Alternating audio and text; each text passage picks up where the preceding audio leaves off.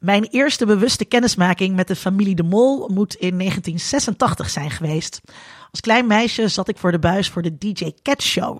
Dat was op Sky Channel, een Britse zender die we in Zeist gelukkig konden ontvangen. DJ Cat was een stoere kattenpop in een leren jack en zijn sidekick was Linda de Mol. In klungelig Engels kondigde zij de tekenfilms aan die ik graag wilde zien, zoals Inspector Gadget, Transformers en natuurlijk He-Man. Mijn kennismaking is tekenend voor de familie De Mol. In 1986 was commerciële televisie in Nederland nog verboden. John De Mol produceerde dit programma en wist zo toch Nederlandse kijkers te binden. De inzet van zijn zusje was slim. De Nederlandse mediageschiedenis is verweven met de familiegeschiedenis van de De Mollen.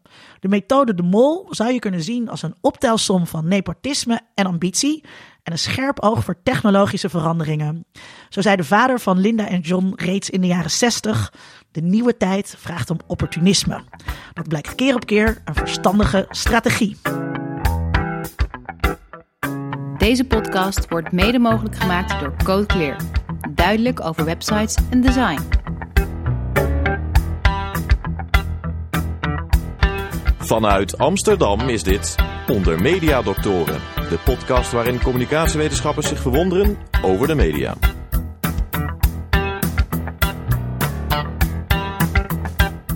Het hebben over de familie De Mol. Wat leert hun geschiedenis ons over de geschiedenis van de media? En dat doen we met Mark Koster, journalist en chef online bij Quote. Maar hier vooral als auteur van De Mol, de machtigste mediafamilie van Nederland. Het boek, het lijvige boek, waarvan er hier twee exemplaren op tafel liggen. Het lijvige boek dat in december verscheen bij uitgeverij Balans en dat al in de derde druk zit. Klopt, en jij hebt hem volgens mij in bezit. Ik heb een derde druk. Ja, Ja. En ik heb de eerste. jij hebt de eerste nog. Ja. Ja. Ehm, welkom Mark. Weet jij nog wat jouw eerste media-herinnering aan de De Mollen is?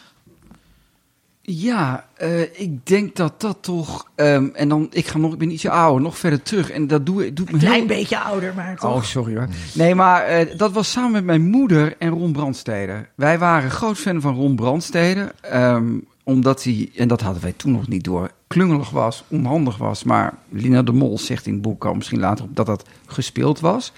Ehm, ik denk Here, you have, uh, here you have the bloemen.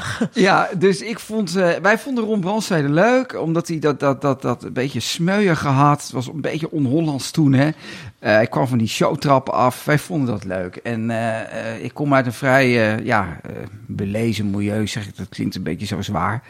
Mijn vader las dan de krant en mopperde dan wat. En dan, ehm, maar mijn moeder vond hem leuk. En ik vond hem ook wel leuk, omdat hij, dat hij dus een beetje dat, dat nieuwe element bracht. We hadden natuurlijk Fred Oster. Hè, dat was een enorme drogist, om, om, qua uiterlijk. En die deed dat met- is dus wel goed getypeerd. nou ja, met dat, over, dat haar zo over je hoofd gekamd. Dat had, eh, de aardrijkskunde leren had dat ook. En ehm, dan had je die, die, die, die, die marmotten die in dat ding liepen. Dat was dan het hoogtepunt van die show. Maar Ron Brandstede had meer. En Kees Jones kwam langs. Dus ik vond dat... Dat was ietsje, ietsje meer Hollywood in Nederland. Dus dat- meer, ja. Ja, het werd opgenomen, daar ben ik later in dat boek achtergekomen, dus, dus in de Martini-hal in Groningen. Daar gingen ze met de trein naartoe. Echt? Eh, af en toe Groningen? ging, ja, daar werd ze allemaal in Groningen werd dat opgenomen. En de opnameleider was toen de jonge John de Mol, die was toen bij de Tros. En Ivonie heeft het programma bedacht. En dat is ook een mooi element. Het moest eigenlijk een ironisch programma worden, waarin mensen dus zichzelf te kakken zouden zetten en de showbiz eigenlijk als een ironisch element zou worden ingevoerd. Maar dat is heel mislukt. En mijn stelling is eigenlijk dat, dat, dat, dat John de Mol dat in die jaren eigenlijk ook wel wilde. En dat baseer ik een beetje op de programma's die hij maakte. Hij was wel fan van Chef van Oekel, zwaar VPRO. En die natuurlijk ook speelde met die elementen. Maar ze nooit uitgekomen, want de mensen namen het bloed serieus. En John de Mol vooral ook. Dus toen is wat dat betreft het moment dat ik het leuk vond... daarna is al meteen... Ja, de McDonald's-gedachte trad al in. En wat ook inderdaad in het, eh, in het boek eh, terugkomt, dat hij de McDonald's-formule afkeek. En, eh, Nou, ik, ik vind dat die, dat, dat, ja, daar heb ik, ja, ach, als je met die mensen praat, vooral met Bob Royens, dat is eigenlijk een heel zwaar onderschatte regisseur, vind ik dat, die, die eigenlijk van de filmindustrie naar de televisieindustrie heeft gemaakt. Hè. Dus vroeger draaiden ze op film, toen gingen ze op video en die Bob Royens, een enorme dictator, een enorme vervelende vent, maar die, eh, die was dus de baas op de set. Zo was dat vroeger, hè. De, de, de, regisseur was de baas. Toen werd de producer de, de baas. Inmiddels denk ik dat de schrijvers weer gewoon de baas zijn. Kijk naar de Sopranos en Breaking Bad. Eh, maar goed, daar zullen we het later wel over hebben. Maar ik vond dat wel, wel grappig om, om ja, de, die, showbiz quiz, dat was wel een soort eikmoment voor, eh, voor de Nederlandse entertainmentgeschiedenis. En ook voor de plaats van de familie de Mol erin. Eikmomenten. Heel, heel lang antwoord. Voor, om, Eikmomenten, daar gaan we, het, Ja, eh, ja, ja. gaan we het over hebben. Eh. U hoorde hem nog niet. Mijn vaste mede-mediadokter, Dr. Vincent Kronen, is voor het eerst ooit niet aan mijn zijde. Vincent heeft een baby gemaakt die pas geleden gezond ter wereld is gekomen en heeft daarom verlof. Eh, ter vervanging zit ik hier met vriend van de show en dus nu inval mede-mediadokter, Dr. Jaap Kooijman. Hallo. Eh, universitair docent, universitair hoofddocent mediastudies aan de Universiteit van Amsterdam. Ook een leuke universiteit. Eh, onze eigen sterrenkundige eh, en eh, oud studiegenoot van Mark. Ja, ja. Jullie hoewel, kennen elkaar. Disclaimer, disclaimer. ehm, veel bier gedronken toch wel, hè? Heel veel bier gedronken. Maar ik, ik, ik had al mijn vak al afgerond toen eh, Mark kwam. Dus Ja, ik jij heb was nooit al meer, be- ja. ik- Dus ik heb nooit meer een vak met hem gevolgd. Maar we zaten gezamenlijk in een eh, blaadje. En ik weet dus nou niet meer of het de American Quarterly heette of de Quarterly. Dus daar hadden we altijd hele heftige redactievergaderingen. Want eh, van mij moest het altijd wetenschappelijker met meer voetnoten. En eh, van Mark moest het altijd sensationeler. Maar hij heeft samen met, met Harry, heeft hij toen... Harry Lensing, Ja, ja. heb je Groot toen dat- journalist. Ja. Een interview gedaan met Adam Curry in New York. En Ja. daar was ik toen heel erg. Toen dacht ik, oké, ze zijn wel goed. Want, wat... Ja, eh, Adam Curry is een jeugdheld. Dus ja, dat, eh, nou, Adam Curry is natuurlijk een beetje verval geraakt. Maar oh, als je het Ja. over technologie hebt, dat, dat snapt hij wel. Hij was een van de eerste de van de podcast. Ja. Ja, ja, dus ja. de- Ja, hij is wel een de- beetje wappie geworden. is de, maar... opa, de opa van de podcast. Ja, ja, maar dat is toch... Het, het- we hebben die man... ehm, als, een geweldige stem trouwens. Een geweldige timing qua DJ. Dus ik dacht, oh ja, ook wel voor mij wel een voorbeeld altijd. Omdat, en ook omdat hij naar de States ging. Jaap, wat was je, heb jij een eerste media herinnering aan de familie De Mol? Nou ja, ik weet, ik moet de DJ Cat show gezien hebben, maar dan bij mijn zus in Amsterdam. Want wij hadden. Daar was je te oud voor. Nee, denk ik wel. Dat was mid jaren tachtig. Maar ik denk dat ik dat wel gezien heb. Maar wij Maar hadden dat was geen met de kabel. tekenfilms die wij dat was voor jou veel te kinderachtig. Oké, maar ik herinner nog wel haar talkshow. Ja, En, en volgens mij deed Maarten Krabbe daar ook aan mee, maar dat stond. eh oh nee, hoe zeg ik dat Martijn nou? goed? Krabbe? Martijn, hoe kom ik nou Maarten?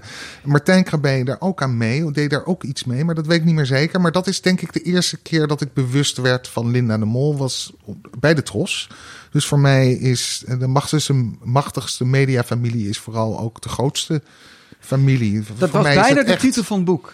De grootste, de grootste familie. Maar ik dacht, Ja. dat snap Jaap wel. Maar voor Linda en daaronder, de jongen, is het al Ja, niet meer te maar begrijpen. voor mij is het. Het was een soort cy- cynisch, cynische... Maar het moest wat simpeler. Hè, wat maar ja, ik, ik zie daar echt wel de, trots, eh, de Tros-connectie. Ja, Ook met de showbiz quiz. Ja. Of, eh, Ehm, natuurlijk. laten, we het laten we het eerst even over eh, het, eh, het, het, het, boek, het boek aan zich hebben. Met de vraag die je natuurlijk altijd eh, krijgt. Waarom dit boek?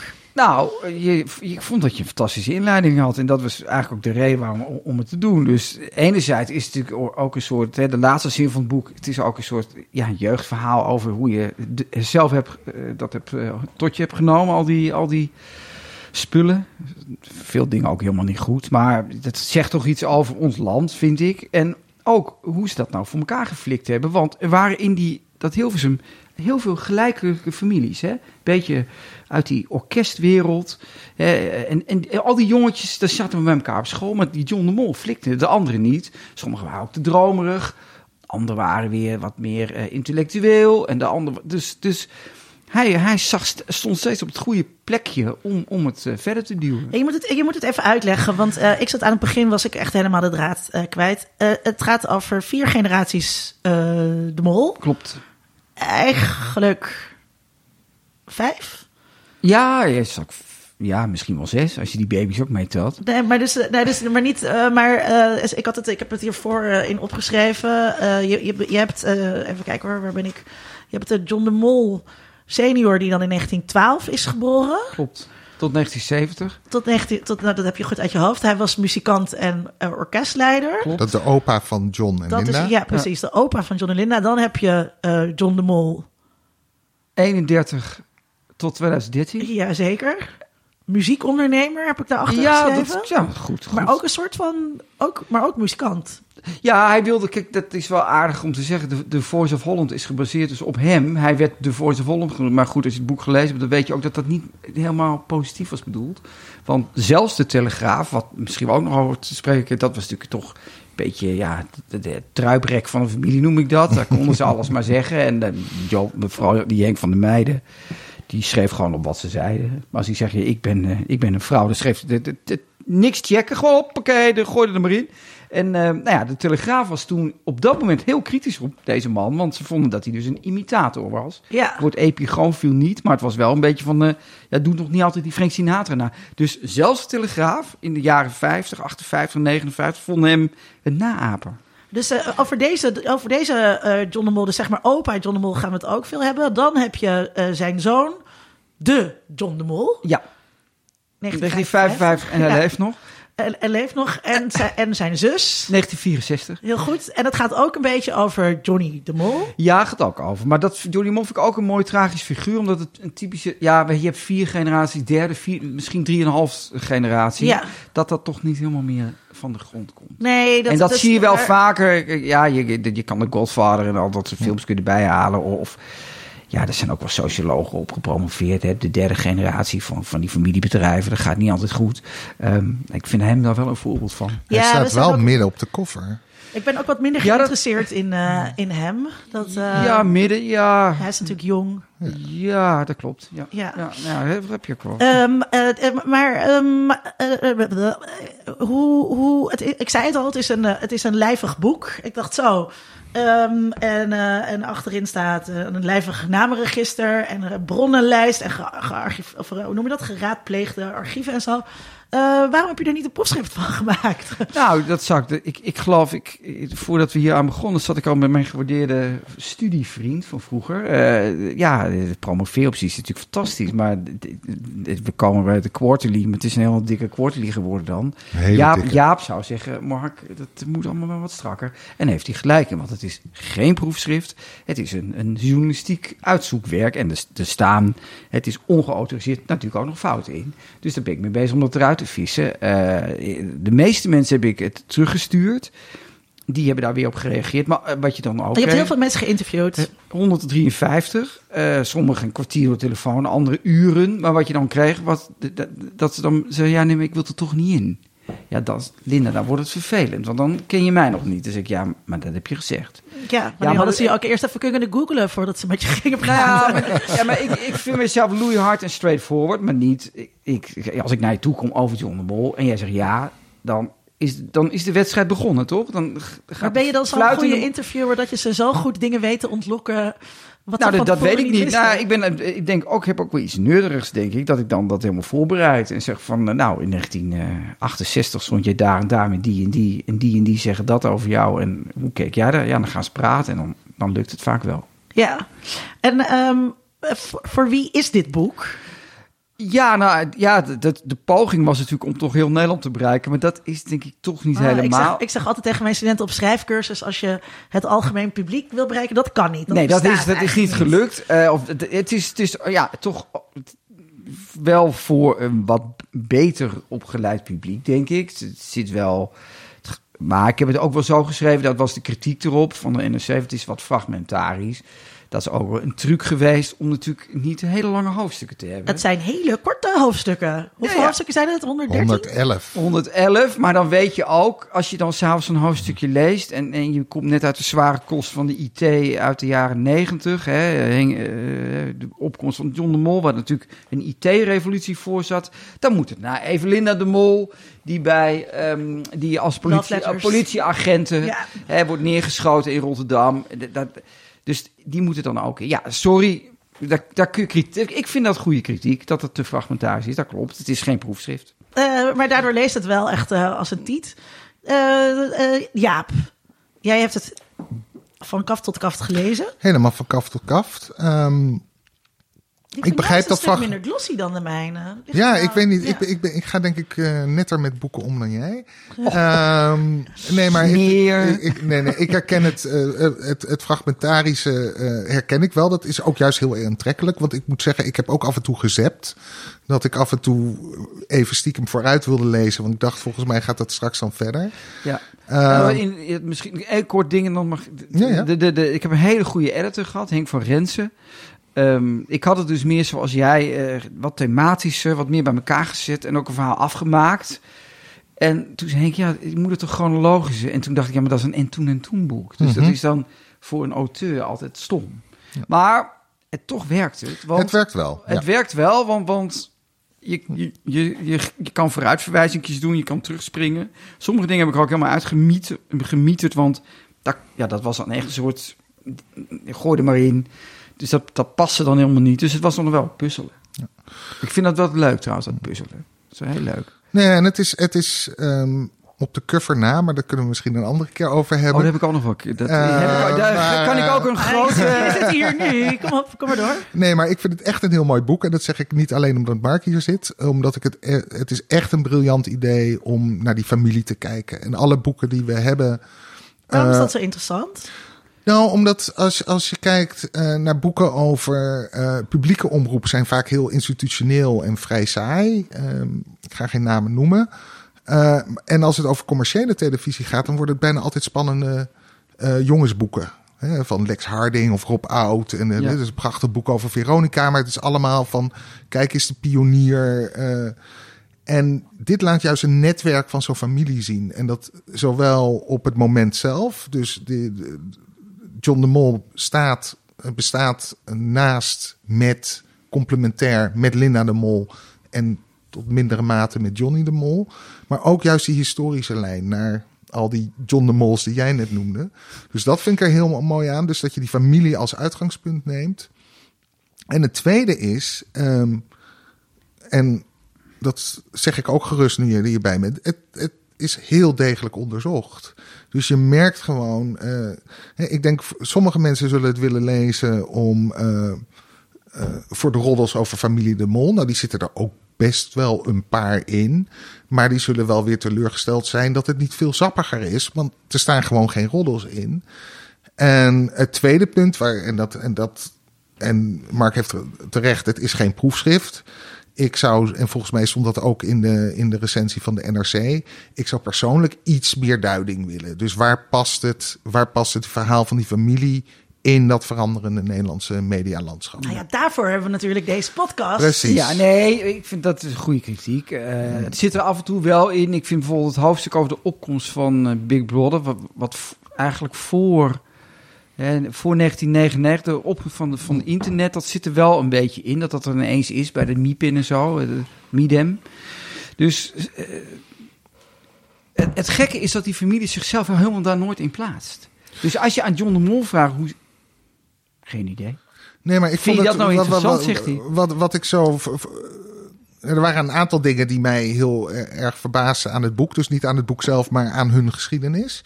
Hè, maar één was de oudste. Ja, hoe zullen we ze noemen? John de Mol 1. Eh, de, Eh, de eh, oermol noem ik hem zo. De, de, de oermol. Van die de- dus, met de oerknal. die van de Vara-radio gaat naar de KRO-radio. Dat is natuurlijk al ondenkbaar in, in verzeild Nederland. Maar da, eigenlijk, de eerste opmerking, dat is ook hoe de entertainmentindustrie in Nederland is geregeld. Mhm. En dat zit voor mij, je zegt er zit geen duiding in, maar dat zit er volgens mij wel in. En dat zit, eigenlijk het hoofdstuk over de showbiz quiz. Ron, ehm, onze, onze drogist, zegt daar wat over, hè, Fred Oster. Die zegt dat de verzuiling was ideologisch en bleef heel lang ideologisch. Dus de NCV wilde een dominee-achtige Ja. uitlui hebben. Maar wat zeiden ze? Moet ook wat entertainment hebben. Dat werd zelfs wettelijk voorgeschreven. En wat deden ze? Linda en Jaap, de John en Joop van die tijd.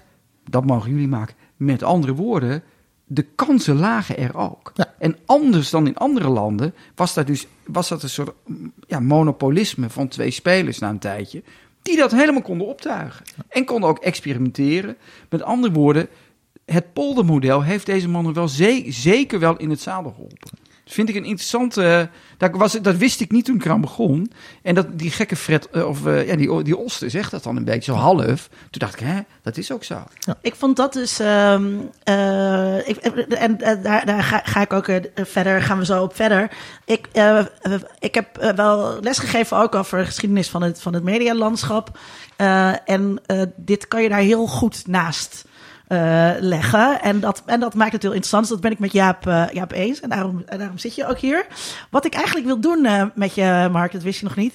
Maar ehm, ik heb vier, vier momenten eigenlijk een beetje in die mediageschiedenis die ik eruit wil lichten. Ehm, en eigenlijk dan wil kijken van welke rol speelde de familie nou in die, in die periode. Eh, we hadden het net heel even over dat ontstaan van eh, televisie, verzeild landschap. Eh, de Nederlandse eh, politici wilden eigenlijk helemaal niet dat televisie hier kwam. Dat is iets voor in een andere uitzending. Hier gaat het proefschrift van Vincent eh, vooral over. Nou, vooral, vooral, vooral de links niet echt. Hè? ze wilden de, de kwetsbare kijker beschermen. En, eh, De als, als katholieken dan- wilden het ook niet hoor. Als dan iemand televisie moet gaan maken, dan moeten wij het doen. Dan hebben wij deze taak. Nou, Maar, maar, maar jongens, even zien nu met Trump in die gekkigheid. Deze discussie is nog steeds niet afgerond. Die is Nee. zeker niet Die afgerond. is nee. fei- nog steeds. Dus je zou zeggen, de, de vraag van 1951, hè, van toen hè, Drees, die stuurde zijn, zijn onderminister Kals daarheen. Want hij vond het zelf allemaal maar een beetje toch voor het plebs. Mo- Moeten we niet veel. Wat je zegt, precies wat je zegt. Dat is, dat is interessant dat, ehm, dat het die discussie nog steeds speelt. Ja, eh, maar dus eh, de jaren zes, dan, dus het televisiebestel is verzuild, eh, net als het radiobestel is ontzettend braaf. Ehm, en dan komen die piratenzenders. Ja. Hoe was die familie De Mol daarbij betrokken? Nou, die waren er in, in zoverre bij betrokken dat voor die piratenzenders had je in Nederland een hele grote speler. Dat was Guus Jansen.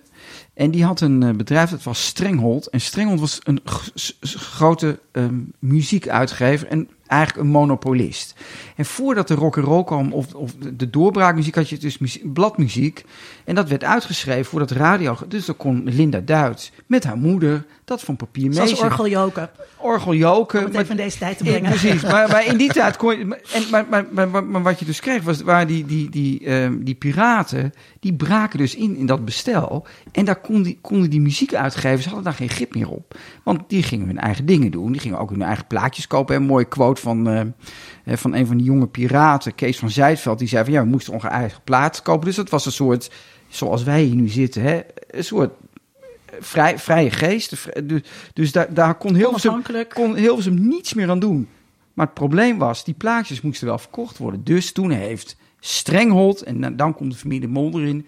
waar die vader eigenlijk hier achter op de Leidse gracht nummer 9 zat hij rokend al die troep te verkopen, al die muziek te verkopen en eh, al die muziek, mu- muziek ja, dat probeerde hij te slijten. Toen zeiden ze, ja, maar wij moeten ook zo'n schip hebben. En dat hebben ze toen er gewoon naast gelegd. Naast het Veronica. Veronica-schip. Hartstikke illegaal, want mocht niet. Want het schip was in handen van dezelfde eigenaar. En die hadden gezegd, nou, je mag dat schip wel gebruiken. Maar niet naast ons. Dat hebben ze dus wel gedaan. Dus je zou kunnen zeggen dat vader de Mol... ja, eigenlijk de, de doorbraak in Hilversum heeft geregeld, die oude. Want die, heeft dat, die zei ook tegen Guus Jansen... je moet er een schip naast leggen. Staat in het boek. Nou, nou is het zo dat ehm, eh, heel veel aandacht gaat altijd uit naar, naar Veronica. Veronica wordt altijd gezien als de rebel. Zo, ben ik ook opgegroeid met het idee van Veronica. Veronica is cool. Dan heb je Countdown. En, eh, Maar Veronica was ook cool. En ehm, ehm, Adam Curry. Adam- Ik vond Adam Veronica Curry bij- bij hartstikke cool. Ja, dat was, dat was Ik hartstikke vond Alfred cool. Lagarde cool. Ik weet niet, vonden jullie wat... Maar is, is dat terecht, eh Jaap? Dat het, dat het altijd... Dat, dat, nou, het is wel terecht, maar het past wel binnen. Want wat, Die wat hele- eigenlijk zegt is de doorbraak is geforceerd door eh Strenghold en, en door de familie de, familie de Mol. Maar daar En Radio Noordzee, maar ook door de Tros. Ik denk, hè, ik denk dat de, in de televisiegeschiedenis wordt de Tros wel eens. Ik weet niet of het ondergewaardeerd is. Ja. Maar dat komt ook wel door die term van de vertrossing. Maar het was natuurlijk de Tros die de, eh, de verzuiling heeft opgeblazen. Eigenlijk meer dan Veronica. En dat, dat proef je ook terug in, in, in het boek. Want je ziet beide. Hè, vertrossing is eh, wordt meestal gebruikt van dat was het woord voor, voor platte amusement. En we, maar het is ook commercialisering. En het is ook het idee van weg van de verzuiling. Klopt. En En je hebt eigenlijk de Tros en de Veronica bij elkaar. En die familie De Mol, die Nou, die- tussen die twee eigenlijk. Die was wel tros. Dus Ja. de, de- de- het, was, het is nog, kijk, het verschil tussen Radio Noordzee en Veronica was, en dat zit ook in het boek, dat Veronica hadden gewoon lekker Deep Purple, de Doors. Terwijl zij kwamen dan nog een beetje met van die, die hadden nog wel Cliff Richard in het begin. En dat werd dan ook wel beter, maar het was allemaal een beetje aangelijnd. En het was super commercieel. Dus ze draaiden ook wat Strenghold had, hè.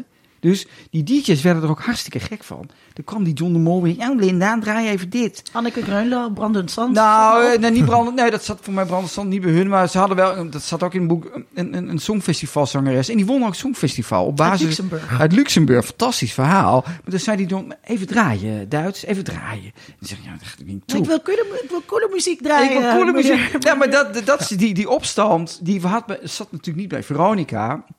Want Veronica, die eh, zei ja, die mieterde dat gewoon weg. En, en Ferry de Groot, grote held in het boek natuurlijk, hè, de grote rebel, die, die ging al die plaatjes, die deed hij tussen de deur. En dan zei hij, als hij blijft zitten, dan ga ik hem draaien. Nou, Geen nummer behield dat. Dus dat, dat vond ik wel, dat die verzetstrijd daartegen vond ik wel mooi. En je ziet eigenlijk, dat ging met- bij de Dik voor elkaar show fout. En het is bij dat VI eigenlijk ook fout gegaan. En wat je nu eigenlijk ziet, is VI dat... Voetbal International. Ja, dat, dat is de dik voor mekaar, het dik voor elkaar show moment nu van John de Mol nu. En hij, ook daar kan hij er niet mee omgaan. Het is wel heel gek, want ik had in mijn hoofd is André van Duin nog steeds een ontzettende trospersoon. Maar die dik voor elkaar, dat was gewoon bij de NR, eh, toen ze doorstart maakten, was Bij bij de NCRV. Ja. Hè, dus dan, dan zie je ook, en dat kwam ook weer bij het lezen van het boek, dat heel veel van die dingen die je eigenlijk vergeten bent. En wat de jongere generatie sowieso niet meer weet, want die snappen al die onderverdelingen in die omroepen niet. Maar hoe belangrijk dat eigenlijk was, al die verschillende omroepen en waar ze verstonden. En waar de mol en eh, niet alleen de mol, maar daar ontzettend doorheen schippert. Nou, er moest, er moest op een gegeven moment bedachten ze, we moeten ook iets met vermaak gaan doen, want anders kijkt er niemand. Klopt. En dan moet je een vijver hebben van artiesten en vermaakdingen waar je uit kunt putten. En dat lag klaar vanwege de familie De Mol. Klopt. Eh, André van Duin, ja, dat was de, die, die wilde iedereen hebben. Hij koos voor de Tros, maar hij, hij dat was wel een, ja...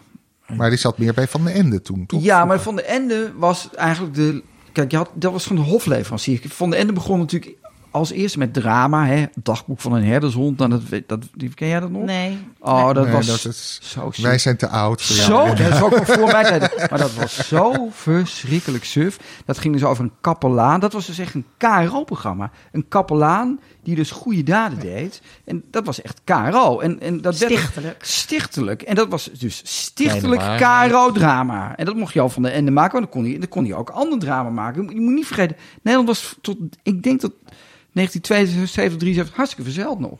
De KRO was ook de katholieke radio. Nou, ik denk zelf nog later. Ik denk. ehm, Oh, zeker. Wij, ik, ik kom uit een katholiek nest en wij mochten. ehm Oh ja? eh, jazeker. Eh, wij mochten eh, niet naar eh TMNT kijken. Wij mochten echt niet naar eh File Achterwerk kijken, want dat, dat was niet voor meisjes zoals ik. En wij kwamen uit een katholiek arbeiders, eh, uit een katholieke arbeidersfamilie, dus VARA mocht wel. Maar eh, de EO of zo, dat, dat was echt heel duidelijk. Maar, je- maar je kom je uit Hilversum? Nee, zij is het. Zeist. Oh, maar daar had jij dus een soort Linda de Mol kunnen worden. Ja, Want die kwam ook uit een soort katholiek. Ze zijn dus van de Sint-Vitusstraat. ze was heel vroom, las ik in het boek. Nee, ja, maar het, het ze me- kennen de hele Bijbel. ja, nee, maar wel op een gereformeerde school. Omdat de moeder dus negen miskramen had gehad. En het even klaar was met de katholieke kerk. ja. Dus, dus ik dacht gewoon, Negen miskramen, Linda ja. de Mol heeft iets gereformeerd. Daar kom ik dan uit voort. Dat, dat, dat, eh, dat talige, dat heel precies op taal zijn. En ook dat uit het hoofd leren. Ik vond haar gereformeerd altijd. Dus ik heb ook nog die school gebeld. Ik zeg, maar voor mij zijn jullie school met de Bijbel. Ja, meneer, inderdaad. Wij zijn school met de Bijbel. 1956 gestart. Dus die school was nog maar acht jaar. Vlak achter. Ik ben natuurlijk naar die scholen ge- gelopen. Die andere, die katholieke school, mochten niet naartoe. Ja. Vind ik interessant. Dus, maar dat, ja, dat kon allemaal niet in het boek. Dat zou nog veel meer duidelijk zijn. Het, het- de gereformeerde component in de familie, door Linda, heeft ze ook discipline bijgebracht. Dus maar maar even terug naar, eh, naar die piratentijd. je zit dus met een familie die volgens mij crazy commercieel is. Die, die, die, die, die, die, eh, hoe noemden we hem ook alweer? Niet Oer, eh, maar De zijn zoon. Eh, eh, eh, John de Mol nummer twee. Werd gedreven door, door commerciële overwegingen. Ook opgelegd. Als je ziet bij Noordzee, hij, hij had nog wel enige, laten we zeggen, culturele pretenties. Eh, hij hield van die crooners. Ehm, dat is een beetje een genre waarvan ik denk, nou, dat is niet super commercieel. Moet je, hebt even daar- uitleggen. nou, crooners, daar heb je een orkest nodig. Dan heb je, hè, als je Frank Sinatra, ik kan er heel veel vinden, maar dan heb je toch een mannetje of Frank 18. Sinatra is een crooner. Dan heb je toch een mannetje of 18 in, in de or- orkestbak nodig. Dan heb je een dirigent nodig. Dan heb je een trompetist nodig. En het zijn allemaal jongens die van papier spelen. Hè? Dus dat, dat is een kunstig dingetje. Ik Maar hou was- ervan. Eh, maar het is een, een, een beetje een, een voor een ja, een quiet taste. Daar kun je niet van leven. Maar was hij nou ook van de bebop of was dat zijn vader? Nou, ik, ik denk dat zijn vader van de Bibel was. En hij, eigenlijk, hij was eigenlijk weer een tut. Dus Hm. het is- de, de zoon, de, daarom is de man die op, eh, eh, rechts onderin op het boek staat, is mijn held. Die ook het duimpje De oermol. De oermol is mijn held. Ook omdat ik een, zelf een verschrikkelijke jazzliefhebber ben. En eigenlijk is, hebben ze hun, hun, hun laatste gevoel voor stijl... hebben ze eigenlijk daar al verloren. Ja, klinkt heel hard en lomp, maar dat is gewoon zo. Ja, dat, ik Ja, dat vind ik. ja. Ik vind, kijk, als je niet, als je niet Miles Davis niet omarmt of niet snapt, ja, dan ben je voor mij toch af. Ja, dat klinkt vreselijk snobistisch, maar dat, ja, daarom zit er ook veel te veel jazz in. Dat, Bert Vuijsje heeft het boek ook gelezen, hè, de oude jazzfan, hè, de vader van Robert Vuijsje. Eh, ook geweldig, eh, heel goed met taal. En oud eh, redactieraadlid van de Folia. Kijk, Leuke vent, hele vent, meneer moet ik zeggen. Maar ja, ik, ik vond dat wel belangrijk om te laten zien waar ze vandaan kwamen.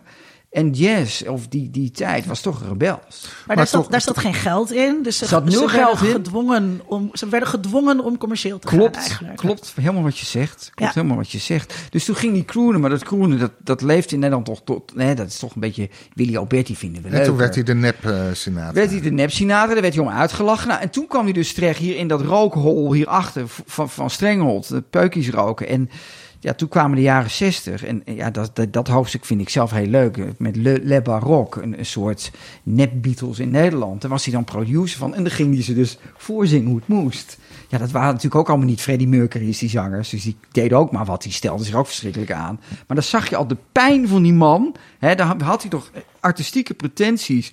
Dan moest het ook nog commercieel zijn. Het lukte dan allemaal niet. Ja, dan, je ziet de verkramping al in zo'n pak. Terwijl die jongens allemaal een beetje de doorsachtig waren. Dat Maar ja, hij was- ik een mooi moment. Hij was ook de man achter de, uiteindelijk achter de eh, Amsterdam Dance Event. Daar komen we straks pas. Oh, eh, oké, ja, sorry. Ja, daar kwam ik ook Dat toevallig wel- achter. Echt Vincent, je houdt je niet aan het draaiboek. Ja, maar Dat ik ken het wel- wel- draaiboek niet. Ik vind je een dat beetje, ik vind je een beetje radio enerig. Radio 1 Ja, zo van, je, moet, je, mag, je moet er een mythe Nee, dat, dat blaadje nou ik ken het draaiboek niet, dus dat, kon- dat was Wel mijn een goede opmerking hoor. Dat, Ja. eh, nee, je, je moet juist zeg maar, nee, niet radio enerig, want je mag, je mag eh, vrij uit, Nee, maar jij, wat- mag, wat- jij mag vrij uit praten, hij niet. Oh. Oh, oh, dat wist ik niet jij, van moet, je- jij tevoren. moet je een beetje aan, mijn, mogen echt alles aan, mijn, aan structuur Ja. houden. Nee, ehm, Ik doe eh, mijn best. Zit wel goed van ik, je hoor, ik wil het nog even over die. eh, ja, maar ik wil even bij die piraten eh, blijven. Want Ja. ehm, ehm, dus hij zoekt. Ze ze zijn heel commercieel, maar ze zoeken ook de grenzen van de wet op. Dat klopt, omdat, dat zei Jaap net al, eh, de Tros 1965 is ooit een kabinet opgevallen, 1964. Kabinet Marijnissen, volgens mij weet je dat, beter dan ik. eh, ik ben heel slecht in dat soort Kabinet eh, Marijnissen. eh, wat- dingen die ik moet googelen. Wat, wat, wat interessant, wat, wat, toen wilde de Tros al inbreken in het stelsel. En dat lukte toen niet, want daarvoor had je het Remeiland. Dat was een soort eiland ook buiten Gaats, buiten de, de territoriale wateren. En daar werd ook muziek gemaakt, of ja, bij welke programma's. Dat werd meteen verboden. Dus de poging was er al. De Tros had het al een keer bijna geflikt. Dus in 1965 viel het kabinet erover. En in, in dat sentiment is toen dat streng omgaan met de eigen boot, met het Noordzee. En dat vonden ze wel leuk bij de familie De Mol. Dat vonden ze wel goed. Ja, wat, wat, wat, hoe kijk jij naar dat moment in de, in de, in de geschiedenis? Naar dat remeiland en die piraten en het proberen in te breken in het bestel en de commerciële, de commerciële, de commerciële aard en de commercialisering. Dat vraag je nu aan mij? Ja, Ehm, nou, wat, er zitten twee kanten aan. Want het is aan de ene kant is het de verjonging en. eh, ik, ik ben ook Amerikanist hè, van huis uit. Dus eh, vertrossing werd altijd gebruikt als, Heel goed. als een vorm van Amerikanisering. Maar dat werd onze oude hoogleraar Rob Kroes zei altijd: de vertrossing was eh, niet zozeer dat Nederland veramerikaniseerde, maar dat wij in Nederlands de Amerikaanse vorm de vernederlandste. En dat noemde hij vertrossing. En die twee kanten zie je. Dus, dus aan, aan de ene kant die Veronica, jeugd en ding. En, maar aan de andere kant, ik weet niet of het vertrutting is, maar het, het, het ver, eh, de nadruk op familie, de nadruk op, op Het Nederlandstalige ook. het, eh, ja, maar het, muziekfeest op de plein. Ik bedoel, de Tros jarenlang kunst omdat het moet. Hè, eh, omdat ze inderdaad kunst uit moesten zenden. Maar die houding, ehm, die heel belangrijk is. Want er, zit ook een soort democratiserende eh, factor achter. Hè, van waar, waarom mogen we niet gewoon vermaakt worden? En dat zit toch echt bij de Tros. En ik vind het eigenlijk heel raar dat eigenlijk had in plaats van Veronica is uiteindelijk de e- eerste en als ik me niet vergis de enige traditionele omroep die uiteindelijk commercieel is geworden. Maar eigenlijk had de Tros dat moeten worden. Dat had gewoon de RTL of de SBS. Maar dat hebben ze toch ook vaak genoeg geprobeerd?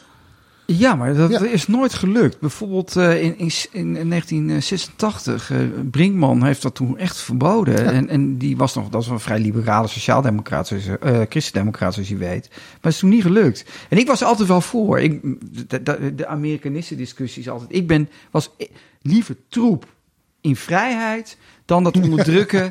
Laat lekker gaan, joh. Laat, laat die lui lekker hun gang gaan. En dan de, de dochters van, van al die, die gaan wel goede boeken lezen. Je moet het eerst maar, laat het eerst maar eens gebeuren. Dus ik heb altijd, ja, je zou bijna kunnen zeggen, als het Tros er niet was geweest, was de familie De Mol nooit zo groot geweest. Als het Tros wel in bestel was geweest, was John De Mol waarschijnlijk daar producer geworden en directeur geworden bij de Tros in een wat frissere omgeving. Ik, vond het, ik vind het dus altijd heel interessant ehm, dat het dus mm, eigenlijk vaak dat die ideologische overwegingen die die piraten hadden heel erg samenhingen met gewoon eh, eh, een zakelijk instinct dat het gunstig was om reclame te verkopen rondom Mr. Ed en The Man from Uncle. En dat daar gewoon geld in zat. Maar dat was de enige reden. Ja, maar- dat. dat ehm, eh, vind- ja, ik, ik hoop altijd. ja, nee, maar- het linkse meisje. Dat, dat, dat, dat, het, dat het meer is dan dat. Maar het was er al. Nou, dat. is niet helemaal waar. Want dan he- moeten we toch een onderscheid maken tussen Noordzee en Veronica. Hè, wat ik net uitlegde over de Veronica-DJ's. Die deden wat ze wilden, maar kregen ook meer luisteraars. Dus het was ook het, het ik noem dat, dat heb je nu ook met het VI. Dus die jongens die blijven lekker schelden en, en, en, en dingen doen. Kijken veel me- mensen naar, komen ook nog adverteerders op af. Dus dat is kip-ei-discussie. Maar helaas, ik moet het linkse meisje teleurstellen. Eh, onder de streep moeten er wel echt zwarte cijfers staan. Want anders is het, is het, bestaat het niet en in deze die, wereld. En als die zwarte cijfers er niet zijn, dan sjoemel je een beetje. Want er werd ook wel. Er zijn wel wat sommen geld verdwenen als ik het boek zo lees. Of in ieder geval nog niet terecht. Not accounted for.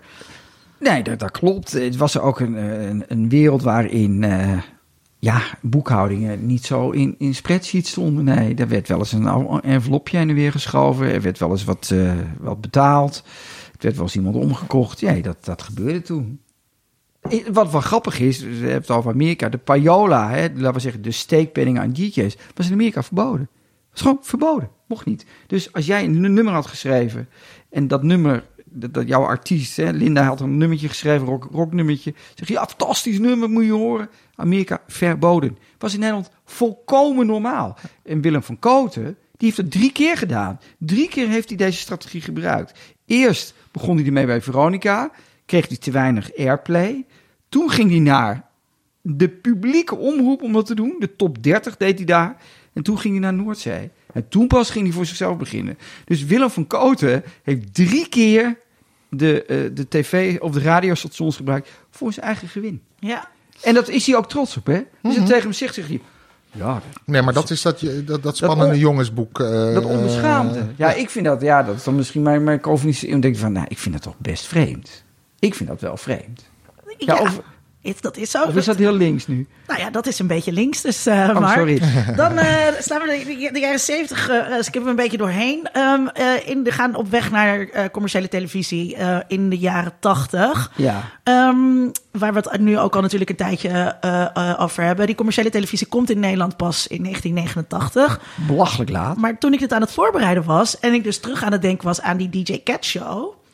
Ehm, er was natuurlijk al, al veel eerder werd er gekeken naar wat, wat kunnen we. Wat, wat zijn er openingen? Wat zijn er Nou, en voor dat gaten? gebeurde al. Hè? Niet vergeten, Veronica. eh, Countdown werd niet alleen op Veronica uitgezonden, maar ook eh, op, op eh, Eurochannel heet het geloof ik. Ik ben even de naam kwijt. Hè, met Wessel van Diepen was ook al pan-Europees werd het uitgezonden. Ja. Ja, ja, je, de, de Tros en, en Sky, die hadden al samenwerksverbanden. En dat is ook in het boek. Dat er ook al geldstromen heen en weer liepen. Dat ze, dat, dus dat, dat, dat, dat noem ik ook, schoot een eerste gat in de verzuiling. Maar dat werd oogluikend toegestaan. Kijk, je had natuurlijk wel de politiek nodig om te zeggen... nu mag er commerciële televisie komen. En dat, dat, dat waren een soort achterdeurtjes, een beetje Nou ja, rommel en ritselen. Maar je hebt gelijk, de- de- het is nooit... Daarom zou ik ook hebben gezegd, doe het in 65. Had het nou meteen goed geregeld. Dan had, was het tros er even geweest. En dan waren die kinderen van de ouders die naar de tros hadden gekeken... Pap, het is echt heel slecht. Zullen we nou wat goeds doen? De opvoeding was al wat sneller gegaan. Dus we zijn heel lang met die meuk zijn we fysiek geweest. Nou ja, en eh, Nee, maar dat is heel stichtelijk. Nee, maar het, het is dus, de, het is dus de, de- de- niet de wet van de remmende voorsprong geweest. We zitten, en, en dat is later, kun je zeggen, heeft de mol het extreem goed gemaakt. Want toen het eenmaal mocht, gingen alle sluizen open. Maar we hadden het meteen moeten doen. maar, en het was uiteindelijk niet de Nederlandse politiek, maar de Europese regelgeving. Van Miert. Ja, dus dat, dat eh, die gedwongen heeft. Leg dus eh, uit voor de kleine luisteraar. Nou, je had, ik weet nou niet of het 87 of het ne- 89 was, maar je had de 89, eh, ja. Europe Without Frontiers. En, en, en dat, dat de nationale overheden niet meer hun grenzen mochten opgooien voor eh, pan-Europese eh, kanalen. Dus ook commerciële televisie. Dan hadden wij natuurlijk in Nederland de U-bochtconstructie met RTL. Ehm, Je zegt eh, eh, eh, natuurlijk, maar voor de luisteraars die dat niet weten, eh, eh, RTL Veronique. eh, RTL RTL, RTL, begon, en dan had je ook nog Heijelei, Kukelei, één programma in het Luxemburgs op zondagochtend. Ja. En voor de rest werd er uitgezonden vanuit Luxemburg, maar was alles in het Nederland. En dat was Ja. een omzeiling en van de media. en TV10 van, van Joop van den Ende was Uit mislukt. Milaan, officieel. En eh, sterker nog, ik heb toen nog met, ja sorry, dit wordt wel heel particulier, maar we hebben nog met eh, ons studentenhuis toen hebben we nog in een promotieteam voor TV10 Oh, ja? van Van Ende gelopen. Oh, echt? Ja, daar werden we voor betaald. Eh, maar dat is toen eh, drastisch mislukt. En toen uiteindelijk werd het dan RTL. Maar dat is heel, het, het is bijna, het is aan mijn studenten ook bijna niet uit te leggen hoe die situatie was. Op de, dat de eerste eh, jaar eh, zat Henny Huisman, zat toen bij, inmiddels bij RTL, won de televisierring. Die werd dan dat werd uitgezonden bij de AVRO, want televisier was van de AVRO. En dan had je Tineke, Tineke Groot, die, eh, die presenteerde dat. En Henny Huisman, die moest die publieksprijs krijgen, want het was een publieksprijs. Maar die mocht niet in beeld. De eerste twee jaar op de Nederlandse publieke omroep mochten mensen die werkten bij de commerciële omroep niet in beeld. Dus Henny Huisman werd gewoon weggeduwd. En dat kunnen we ons nou gewoon niet meer voorstellen. En de, de, de mollen, om terug te brengen naar de boek, die zweven. Want Linda zit gewoon bij de tros op een gegeven moment. Tot, Nee, tot 2005. ja, tot tot, dat Talpa. La- idioot lang. Hartstikke lang. Die, die, was, die was het gezicht van de tros, samen met, met, met Ron. En volgens mij nog steeds ook Martijn Krab- Krabbe, maar dat weet Ja, ik die niet meer er zeker. ook, ja. En, en, en tegelijkertijd heb je eh, Veronica, die dan uiteindelijk commercieel gaat, die met Big Brother komt. Maar zit, de, maar zit de ontwikkeling dus niet al eerder? Want, want dit verhaal eh eh lepelen we altijd op. Hè? Hoe- Er komt zo'n commerciële televisie, Highlight Kuklei. Maar die Linda de Mol zat dus voor mij de DJ Cat Show te presenteren op een Britse zender. Dat klopt. Dat, zij, zij praten wel in wat klungelige Engels, maar volgens mij was het bedoeld voor Nederlandse kijkers. Dat klopt. Dat klopt. Dus dit was dan toch al maar dit, een nou, maar goed, dit is- dat, dat klopt wat je zegt. Dit achterdeurtje was er wel, maar dat was via de tros kwam dat binnen. Hoe bedoel je via de Tros? Nee, nee, het, voor mij liep dat via... ehm, het was gewoon Sky Nee, Channel. het was Sky Channel, maar dat en dat was konden wij ontvangen. hè? ja, maar dat kon je alleen ontvangen via de kabel. Ja. En het, Dus dat was nog niet gewoon op je televisie. Dan Ja, maar het was dus al wel Nederlandse eh, televisieproducenten die het Nederlands Klopt. publiek wilden bereiken Klopt. buiten dat, Dat publiek klopt. bestaat. nou, en, en, en niet alleen het Nederlandse publiek wilde bereiken, daar komen we misschien straks op. Hè, van, eh, de Mol staat ook al op het punt, en dan heb ik het over eh, John de Mol en Linda de Mol, staan op het punt dat ze niet alleen voor Nederland televisie maken, maar eigenlijk voor breder televisie maken. In de jaren tachtig was Nederland samen met België, we waren het meest bekabelde, zeg je dat zo? Het meest Ja. bekabelde van Europa. Dus voor Sky, maar later ook voor MTV, was Nederland heel erg interessant. En je Omdat bedoelt, we wij redelijk konden al die zenders ontvangen. Wij konden omdat wij al goed Belgi- bekabeld Belgische- Wij waren relatief met- goed beka- bekabeld. Zelfs met Big Brother, waarom dat succes was online. Veel kabels. Ja, ja. Ehm, maar dus dat is, dat is wat, wat de technologie, en dat zal de mol zelf nooit zoeken, heeft hem ook geholpen. Ja, Daar heeft hij niks aan gedaan. Dus hij klaagt het over de politiek. Ja, ik heb nooit kansen gehad. Dan denk je, man. Maar is- Jij de hele grond lag vol met, met, met kopen voor jou. Daar heb je alles doorheen gejaagd. Wees blij. Dat was wel infrastructuur, hè? Maar dat vindt hij al volkomen normaal. Maar, je dus denkt toch niet dat in Duitsland al die spullen hij lagen? heeft dus ook heel veel kansen gezien. Dus in de jaren tachtig al, ehm, door zo'n samenwerking, of door voor Sky te gaan werken. Ja. En dingen te gaan produceren. ja, maar dat was ook uit armoede, hoor. Jij, jij, jij maakt hem nu misschien iets groter dan die is. Want je Dan denkt Nou, maak je maar weer kleiner. Nee, nee ik, maak hem, ik maak hem terug tot de producent die die was, die geen geld had. En die dacht, oh, dan maar in Engeland proberen. Meer was het niet. En oké, eh, doe maar, probeer maar. En dat, dat daar dan dat effect bij zit, dat, is, dat komt er dan bij.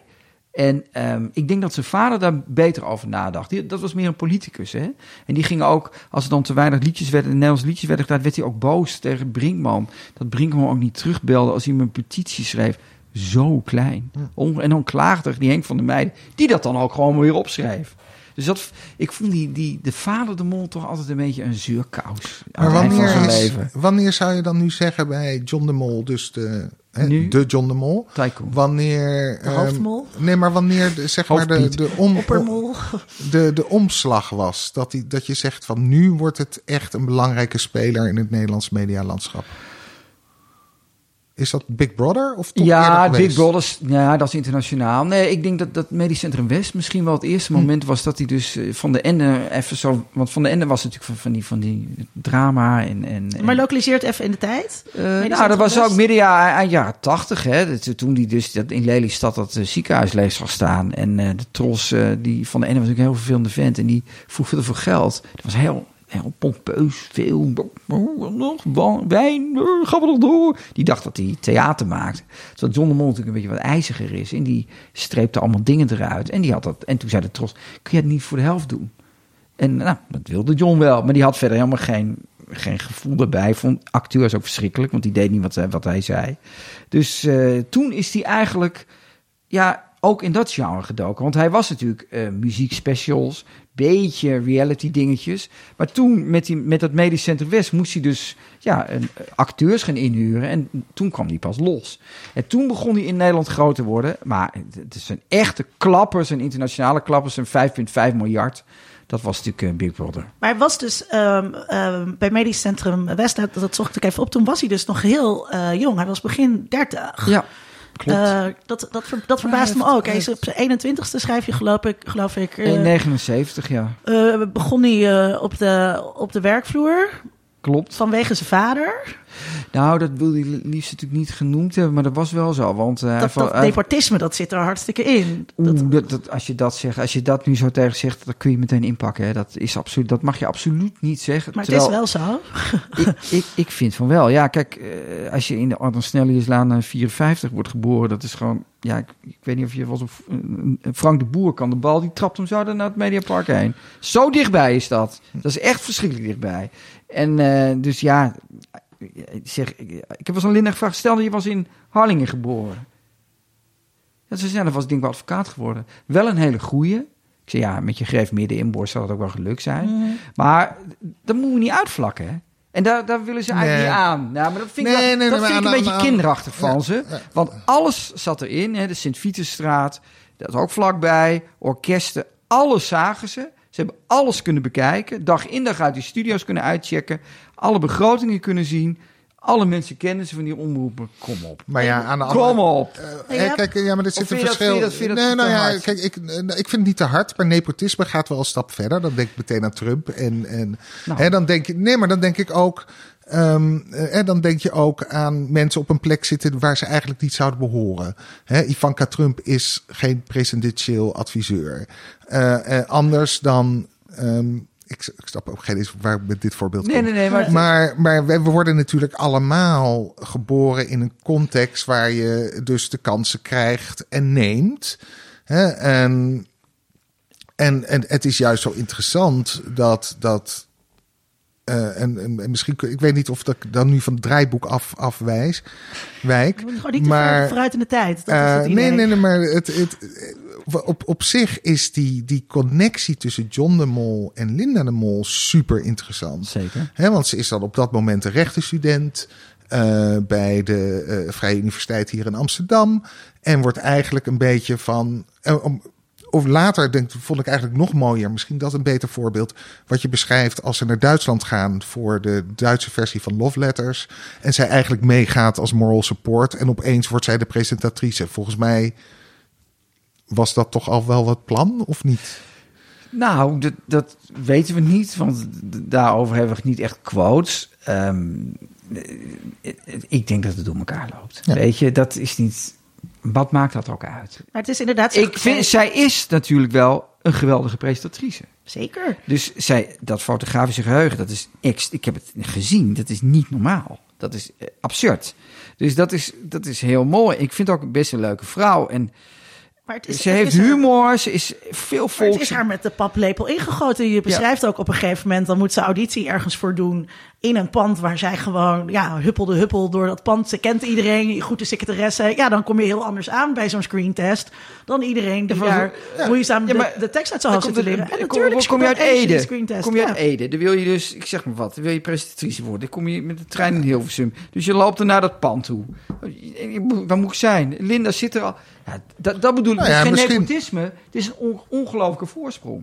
Ja. Nou ja, ik weet, nou ja, dan ga je ervan uit dat het een soort red race is. Het, het, is, Het is een red race. het is ook een red race. Maar ik bedoel, ik moet, Chantal Jans is een ander verhaal. Die komt uit Limburg en die moet een, hè, zeg maar de nieuwste Linda de Mol, zeg maar. Ja. Eh, hè, die moet, moet haar accent aanpassen. Linda de Mol die Moet haar accent trouwens ook een beetje aanpassen. aanpassen. Ja, Want, Heb je wel de, de Plat, eerste... plat Hilversums. Wat is plat? Want Nou ja, je moet- ergens in het boek, eh, ik, praat, ik, pra, ik sprak plat Hilversums. Toen dacht ik, wat in hemel? wat nou, in dat kan ik. Dat is heel leuk. Maar dan moet je eens een keer naar het archief van beeld en geluid gaan. En dus naar die eerste talkshows van het kijken. Dat is een soort, ja, een beetje Utrechts, Amsterdams. Het, ja, het- je hoort het wel. En dat vind ik ook Je hoort het ook bij die DJ Cat Show. Dus, eh, Ja, je hoort het wel. Ik vind dat heel leuk. En eh, dat, daar, daar is het. ja, dat maakt er ook zo... Ja, echt, ja, authentieke en lekker Hollands en een van ons. Maar ze is het ook echt. Ze is ook wel echt. Ik heb dus twee keer, of één keer met de afgesproken. Toen ging ze ook gewoon kroketten eten. Midden overdag. Ja, dat is toch fantastisch. Je dacht, nou, da- nou daarom, Linda, ligt het niet met die vijf kilo afvallen.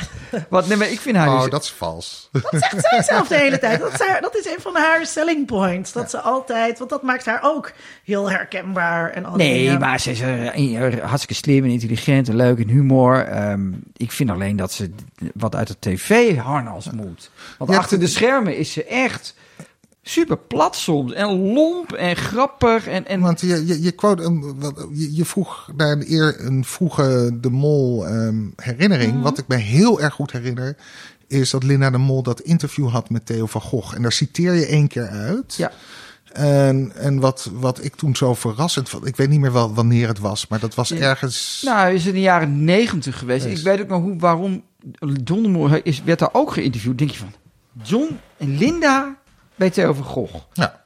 Maar dan ben ik nu later. Dat kwam omdat columnproducties van waar Theo van Gogh zat, die werkte met Johnny de Mol. Ook dat was natuurlijk weer een soort van Toen vriend- al. Was Van, ook, ook ja, een soort van vriendendienst. Dus het was niet. Totdat, totdat, zich een, tot ze, dat ze Theodor Holman naaiden, maar dat was. eh, oh, dat is ook nog een verhaal, jongen. Ja, dat is dan niet normaal. Dat, daar heb ik echt gewoon gedonder mee gehad. Maar even, even, even terug naar Theo van, van, Gogh en dat interview. Wat ik zo mooi vond aan Linda de Mol toen, was dat, dat je er doorheen keek. Hè? Dus je zag opeens een, een best wel, niet cynisch, maar zelfironische, hè, self-reflexive eh, Linda de Mol. Die zichzelf niet heel serieus nam. Nee. Ehm, en toch met een bijna, ja, een soort het is niet camp, maar zichzelf zich eh, eh, heel duidelijk had. Je had Linda de Mol en zij had het over Linda de Mol tussen aanhalingstekens. Dus dat Ja. zij heel erg duidelijk zag. Maar het is nooit helemaal echt eh, doorgeslagen nou, zoals Bo dat bijvoorbeeld Mhm. heeft. dat, want ze, wat ze nu probeert, en dat vind ik een beetje ja, tragisch bijna, dat ze toch heel erg probeert om die, dat zit heel erg in het boek, hè, over die aandacht. Dat heeft ze echt nodig. Hm. En ik denk, ja, dat is bijna, ja, daar moet je bijna een psychiater op afsturen van, stop daarmee. Ja. Ga niet meer in de bikini op de Linda staan. Ah, Om, ja, nou ja, Maar maar maar dat, ik vind dat dus geen. Nee, maar de kan, hele zomer heeft iedereen het over body positivity gehad. Dankzij Ja. Dat- en- nou en- ja, dat was daarvoor al, hè? Ja, maar dat, nee, dat, dat is, zij, is, ze, is ze ook geen avant-garde? Ze Nee, is- zeker niet. En, maar dat is, dat is wat denk ik heel interessant is. Dat had ik ook opgeschreven bij dit, bij dit kopje. Zijn ze nou voorlopers of volgers? Maar wat, Extreme wat- volgers. Ja, en wat maar dus wel dit- heel snel. Ja, dus maar dat, dat, dat body positivity, dat speelde al veel langer. Eh, online en er was een gemeenschap. En zij, k- zij zette het op de cover en toen stond er, ontstond er gedoe over. En vervolgens eh, mocht ik bij Radio 1 drie keer daarover komen praten... over wat die beweging nou precies inhoudt en wat er nou precies gaande is. Dus het is wel degelijk zo dat Oh, zij die, die, die, in die medialoze eh, zomer eh, die er was... Oké. Of die nieuwsloze zomer. Zij toch wel degelijk dat heeft, dat heeft, eh, die agenda heeft weten te zetten. Oh, Oké, nou, dat, heb ik, dat, heb ik dat niet goed geïnterpreteerd. Nou, dat maakt niet uit. Nee, nee, dus nee, ik- nee, nee, maar, nee, maar dat, dat- zo heb ik het niet gezien. Ik was daar misschien dan ietsje cynischer over, omdat ik dacht, ja, ik had een beetje een snurk daar. En ik denk dat heel veel vrouwen, ehm, ja, ik, de, de- het gevoel was nou niet dat zij dat op de agenda heeft gezet. dat- Het was meer dat ze dacht, ik pik dat even ze, mee. ze, heeft het, ze heeft het naar de mainstream media gebracht. Oké. Zo De discussie daarover in ieder geval. Maar Mm, goed. Oké, nou, nou maar Ehm, misschien, maar dat is wel interessant wat je zegt. Misschien, dat is dan weer die dunne lijn tussen commercie en, ja, misschien dan toch een beetje rebels zijn. Maar er, er is, schuilt niets van re- rebellisme of rebels gedrag in die familie. In die hele familie niet. Nee, nee, niet echt. Nee. En dat, dat viel me wel tegen. Want die opa begint lekker rebels, zoals je Ja. leest. Hè? Een beetje, beetje stout, een beetje aan de drank. Beetje, nou, gewoon in de oorlog een beetje met Duitsers pesten. Hij wordt ook natuurlijk even lid van de cultuurkamer. Dat is ook gewoon zo half bakken. Dus ik vond dat wel leuk. En ik vond ook wel leuk dat hij een poging deed om dan toch iets te creëren wat dan... Ja, het klinkt helemaal zo hoogdraad, wat echt is. Mhm. En denk van ja, zet dat nou eens door. En dat is mijn grote kritiek op John de Mol. Heb je zoveel geld? En dan, dan ja, heb je Netflix hè, en, en HBO. Man, was daar groot in geworden. Ja. Had Breaking Bad bedacht. Nou, daar, daar komen we straks nog wel op. Want eh, we gaan, eh, we springen even in de tijd. Het is echt we Radio gaan, 1 dit, hè? We gaan eh, naar het einde van de jaren negentig. Ehm, en ehm, dat is een interessant eh, moment, omdat dan die internationale handel in formats Ja, ehm, heel erg opkomt. ja. Ehm, het draait eigenlijk niet zozeer om hoeveel kijkcijfers weet jij in Nederland te genereren met een programma. Maar een programma is succesvol als je eh, het format weet te verkopen aan een ander land. Daar en zitten de dikke- sterker, Nederland is, is, is, is de vitrine. Dus als je, als nog je dat- steeds. ja. En dat is bizar. Ik, ik zit natuurlijk, ik, was in, ik praat, praat natuurlijk wel eens met die mensen. En het is nog steeds met een Amerikaanse, dat er dus Amerikanen hier zitten. Omdat je, als je in Nederland iets verkoopt, dan is het, want Nederland schijnt al een soort uh, Huizinga haal ik aan, Johan Huizinga, Mhm. de grote Huizinga, het egalitaire smaakgevoel. En als je de Nederlander weet te bereiken, dan heb je een soort wereld-egalitair smaakgevoel. Ja, Dus dat, ja, kennelijk, of dat nou zo is, dat zou nou leuk voor dat proefschrift goed zijn om dat eens uit te zoeken. Wat is egalitair Het is een smaakgevoel? beetje, Nederland is de Zwolle van de wereld, zeg Ja. maar.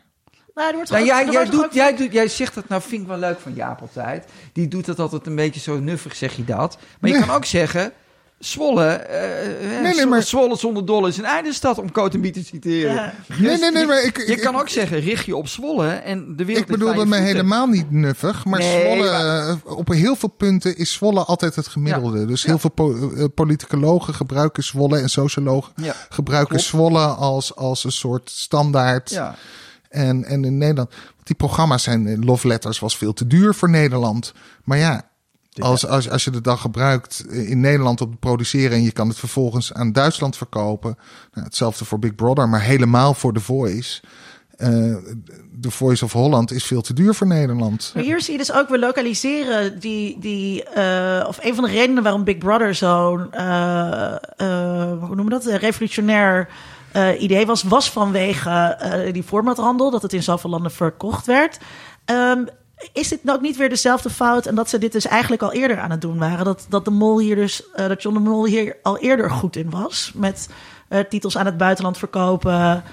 Uh, dubbel cashen op, het, op hetzelfde idee? Nou, het, daar hadden we eigenlijk net ook over. Hij vond het wel leuk om iets te verzinnen wat door iedereen gezien werd. Ook in Duitsland. En dat hij daar dubbel mee kon cashen. Bob Royens zegt dat zijn idee was. John de Mol zei bij, uh, nu bij het TV-monument dat het zijn idee was. Dat is nog wel weer leuk voor een aanvulling in het volgende boek. Wie heeft dat nou gezegd? Hè? Van dubbel draaien. Eerst de bussen met de Duitsers. Krrr, opnemen. En dan Linda erachter. Hè? Linda twee keer, ander jurkje aan. En dan de Nederlanders. Wie heeft dat bedacht? Dat vind ik dus Ray Kroc, denk ik. Dat is McDonaldisering ja. van de televisie. Nou, het is dat eigenlijk bij de Henry Ford. Al, ja, ik, Henry maar Ford. ik vind Henry Ford fantastisch ja. als... Oh, ik moest trouwens ook net aan McDonald's denken. Want voor heel veel uh, ketens en uh, fastfoodbedrijven en dat soort dingen is Nederland ook de testmarkt. Saandam. Die, die ja, ja. Saandam was de eerste McDonald's in Europa. De, in Europa. Ja. Met een uitzending van Noordzee. Kijk, ja. kijk. Dat was de Noord... komt het allemaal weer zo samen. Komt, zo komt alles... Uh, en Noord Noordzee mocht daar als eerste hamburgers En uh, om terug te komen op Driebergen Zeist, daar was de eerste McDonald's uh, drive-thru. Dat was Soesterberg, schat. Oh. Ja, en dat ligt bij elkaar. Dat is echt... Dat, dat is Heide. helemaal niet... Nee, niet Soesterberg. Oké. Okay. Ja, daar ging ik dan heen fietsen, want wij mochten niet naar de McDonald's. Daar ging ik stiekem naar heen fietsen om milkshake te halen. Maar... Um, heb je wel een goede jeugd gehad, Linda? Nee, het was wat... verschrikkelijk. Oh. Ja, nee. Um, uh, maar Big Brother, wat willen, willen jullie daar nog iets over zeggen? Nou, kijk, Big Brother is hem ook alweer overkomen. Hè? En um, dat, dat, Ben Verwaaien zit erin, de, grote VVD-fluisteraar nu. Maar uh, een leuke man, uh, echt uh, goed, gevoel voor techniek. Die had natuurlijk door dat, dat, die, dat die Spanjaarden, hè, de, de Europa ging open... He, ieder, al die grote telecombedrijven wilden een markt aanboren, maar wilden vooral content jagen over het internet. Nou, en dat kwam fantastisch samen. Dus het was een prachtig moment. Hè? Dat Nina Brink ging naar de beurs, KPN wilde uitbreiden en had je die Spanjaarden ook nog. Nou, en zo, zo is, werd die prijs opgedreven. En dat kan John de Mol als geen ander. Gewoon drie mensen laten bedelen voor zijn, voor zijn bedrijf. Ja, en dat leverde dus 5,5 miljard euro op. Dat is ongelooflijk geweest. Vind je dat er te weinig, um, ja, vind je dat er te weinig aandacht uitgaat? Dus, we hebben natuurlijk vorig jaar, um, uh, is er uitgebreid stilgestaan bij de 20 jaar Big Brother. En dat ging heel erg over um, reality tv en, en, en uh, de inhoud van het format, maar heel weinig over de politieke economie rondom dat programma. Ja, maar ik weet ook niet of dan. Wat, wat, wat ik heel leuk vond aan jouw. Nee, ik vond heel veel leuk aan die boek. Maar wat, wat boek? mij. Uh, Eindelijk weten wat seks is. Nee, het boek van Mark. Oh. Um, Jammer. Beste jouw luisteraar. Boek, jouw je kunt ook ik... mijn boek kopen. Eindelijk. Nee, maar wat, wat, wat, wat, wat ik eigenlijk over mediageschiedenis. Oh ja? Die best wel, die best wel een, een, een grote rol spelen is Jan Meulendijks en uh, ja. Bart Schuil. Ja, maar die zijn ook zwaar onderschat. Dat zijn twee ja. een homoseksueel stel. Moet je even uitleggen wie die mensen zijn? Fantastisch, twee fantastische mannetjes. Ik denk dat ze diep in de 70 zijn inmiddels. Uh, Meulendijks en Schuil, ja, dat is een, een, een, een, ze wonen hier op de gracht. En die bedachten al die spelletjes. En, en, en, wat ik al in het begin al zei, de, de wereld was verzeild. Maar die Meulendijks en die, die, die, die schuil, die liepen al van de... Weer nog een spelletje? Hè? 2 voor 12? Uh, 5 tegen 5. Ze kochten ook al die formats uit. Tien voor kochten ze allemaal op uit Amerika. En uh, nou, dan lieten ze weer uh, iemand, uh, Willeke Alberti mocht dan een spelletje doen. En dat werd allemaal verkocht. En zij zijn eigenlijk nooit goed geïnterviewd. En toen ik dus bij ze kwam, ik werd getipt door een vriend van mij die ze had gesproken. Ze blijken dus ook wel een draaischijf te zijn geweest. In die hele industrie. Al die spelletjes waar je avond en avond naar kijkt, bedachten zij de antwoorden. Als je dan A zegt, moet jij B. Dat is, ook een, dat is een vak. Dat is een ja. ambacht. He, en nog, dus eerst kruiswoordpuzzeltjes en nu spelletjes op tv. En dat vind ik wel heel grappig dat John de Mol en uh, Jo van Ende kwamen bedelend bij die gasten langs. En, en dat is dus en wie weer mocht, die wie mocht het? formathandel. Dat, dat, dat, dat was, maar zij, nou, zij kochten de voor, zij kochten de formats uit Amerika. Dus zij waren niet zozeer de bedenkers van die formats... als wel de eigenaar van Ja, Amerikaanse formats. Nee, ze deden dubbel. Want ze, ze hebben heel veel dingen zelf bedacht. Maar, zei je ook in het boek, wat ik niet wist, ze waren zo slim om. eh, Want daarvoor werd alles gewoon gejat. Want alles, Alles werd, gejat, dat is ja. Fred Oster. Eh, die werd en- naar Amerika gestuurd en dan mocht hij alles jatten. Maar dat zij toen heel slim eh, al die dingen. Hetzelfde als, als ehm, hoe, Lingo van. ehm, ik ben nu even zijn naam kwijt. François Boulanger? Nee, François Boulanger. Lingo. hoe heet hij nou? Ja, maakt niet uit. Het maakt niks uit. Ehm, anyway, dat, wat ik er zo mooi aan vond, is, is, is dat het, het gaat aan de ene kant over televisie maken, over inhoud maken, over content maken, over groot entertainment of klein entertainment. Maar het is ook gewoon handel. En, en uiteindelijk, als, als mensen het over John de Mol hebben, hebben ze het over van, nou ja, hij heeft het ding. Maar dat het echte grote geld heeft hij verdiend om op een, op een hele slimme manier Ja. zijn bedrijf te verkopen. En dat heeft minder met televisie te maken Ja, maar- dan met gewoon heel goed handelen. Maar in, dat is, hij is toch niet in eerste instantie een handelaar. Hij is wel Henry Ford of Ray Kroc. Maar dat is hij geworden bij, eh, bij, eh, bij, per ongeluk. Omdat hij de kans zag. Dus, ehm, maar hij is in eerste instantie een maker. Maar dat, dat- moet ik hem echt nageven. Hij, is in, hij vindt het in eerste instantie leuk om heel veel mensen te vermaken met televisie entertainment. Ik moet studenten altijd, eh, of eerstejaarsstudenten altijd uitleggen. En daarom stel ik ook een beetje die vraag, stel ik die vraag ook aan jou, Jaap, van ehm, televisie is productie. Televisie, eh, eh, dat wordt gemaakt met winstoogmerk door allerlei mensen voor wie het een baan is. En we benaderen het natuurlijk, of televisie mensen zelf, mediamakers zelf, benaderen het heel graag als creatief of op de inhoud. Zelfs als het dan gaat over de tros of weet ik veel wat. Terwijl die hele productiekant, het systeem, dat hoort er natuurlijk gewoon bij. Dus je zegt, je zegt de eerste zeven jaar is gewoon zonder- een, een slimme handelaar in televisie. Dat klopt, maar de eerste zeven jaar, dat, zou, dat is in tegenspraak met de eerste zeven jaar van het leven van John de Mol als producent verliesgevend. Want dat staat ook mooi in het boek. Dat Jan van Veen, dat was voor mij een nieuwtje. Ik dacht dat Van Koot hem gered heeft. Maar Jan van Veen is dus met zijn autootje door Hilversum gereden naar alle bankiers. En Jan van Veen van Candlelight. "Eh, Kun je, kun je deze man wat geld lenen? En Jan van Veen, die was dan de schoonzoon van de verwijtjes van Veronica. Die had een cartoon, eh, had een sokken-imperium. Als onderpand wilde hij dat we aan de bankier geven. bankier zei, ja, rot op. Ja. Dus hij was bijna dood geweest, hè? Maar- John de Mol. Dus dat, dat Maar- is maar tegenspraak met... de Mol was wel weer zo'n handige media-ondernemer ook. Maar opa de Mol is nooit ondernemer geweest. Die is altijd, en dat staat ook in het boek, ondernemer geweest met een dak boven zijn Ja. hoofd. Dus die was, dat klinkt heel hard en lomp wat ik dan zeg, te laf om het zelf te doen. En dat, heb ik, dat had ik natuurlijk, ja, ik kreeg natuurlijk een beetje een conflict met de Mol. Graag een keer uren met hem over willen praten. Van hoe was jou, nou jouw relatie met je vader op, precies op dit gebied? Pa, ondernemer met een dak boven zijn hoofd. Beetje met zo'n pak, altijd toch een beetje meneer de directeur. Eh, Kroener, beetje ja, tuttig, ouderwets, goede muziek. Eh, terwijl die Lee. Towers moet ik aan denken. Wat? Moet aan Lee Towers denken. Nou ja, nee, Litouwers is dan weer daar de onderkant van de markt van. Je hebt een hele goede niet hè? ja. Mel Tormé, goed, ik kan met Jaap, dat Jaap en ik weten precies wie we bedoelen. Uit de Amerikaanse school, Count Basie. nou ja, en er was, ik ben even zijn naam vergeten, maar twee jaar geleden in The Voice heeft een crooner The Voice gewonnen. Ja, dat deed Frank Sinatra precies na, dus nog goed. Ja, Of Robbie Williams. Ja, precies. Maar Even los hiervan. ehm, dat vond ik wel, dat, dat conflict had je, dat, daar heb je het conflict tussen cre- de creatief en de zakenman. Maar in John de Mol is nooit geboren als, hij is wel eh 100% zakelijk en heel goed zakelijk. Maar hij vindt toch het allerleukste iets maken. Maar dat stond niet in jouw boek. Maar hij heeft een heel. Ik, weet, ik kan hem niet nu letterlijk citeren. Maar hij heeft ooit iets gezegd van. eh, eh, wij maken wat het publiek wil. Ja, tante uit Assen.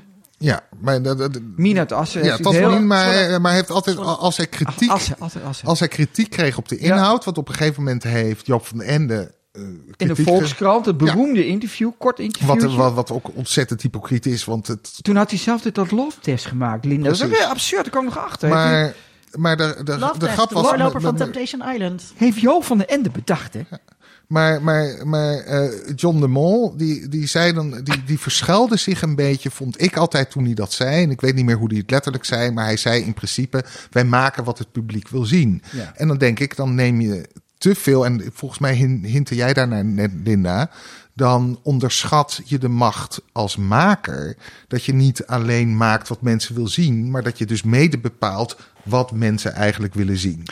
Hè? En dat, Nou, dat, dat, is, dat is de grote kritiek die je vooral de laatste jaren op hem hebt. Dat ben ik helemaal met je eens. Je kan ook iets heel moois maken, wat, wat jij echt heel mooi vindt en, en goed vindt, waar het publiek dan ja, toch naar snakt, zonder dat ze het weten. Dan kom je uit bij dat ouderwetse verheffingsideaal. Nou, dat hoeft niet verheffing. Ik zal, en dat heb ik al vaker gezegd, bijvoorbeeld Breaking Bad of Sopranos. Sopranos, David Chase, die schrijft dat als schrijver en maakt het als regisseur. En als hier- showrunner. als showrunner maakt dat gewoon omdat hij dat in zijn hart vindt dat dat gemaakt Ja, maar moet. dat is- dat heeft niks met verheffing te Vind je dat verheffing? nee, maar er zit, er, zit, er zit wel een. Het is kwaliteitsdrama. En, Ja, en, en, en, en dat had hij best kunnen. Dat is, Ja, maar als ik misschien het nou wilde hij dat was niet. ik John, hou op met die meuk. Heb ik ook Kijk, een paar nee, maar, maar, maar wat, je, je, wat je ziet nu wel, hè, net 5 powered by Linda.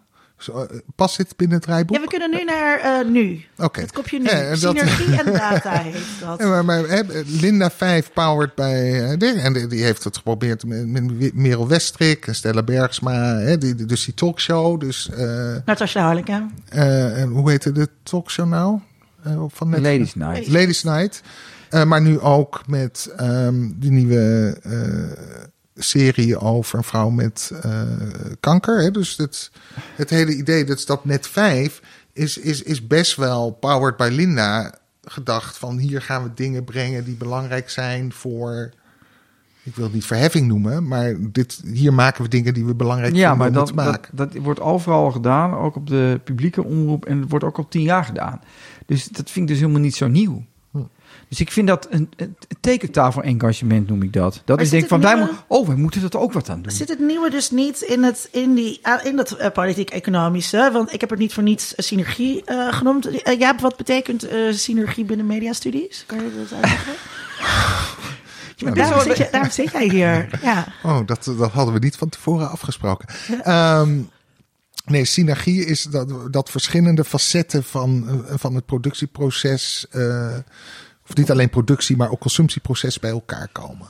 Ja. Dus dat eh, synergie is, is, is dat je dus niet alleen een film maakt, maar dat je ook eh, zorgt dat het mooi vertoond wordt en dat er ook popcorn verkocht wordt.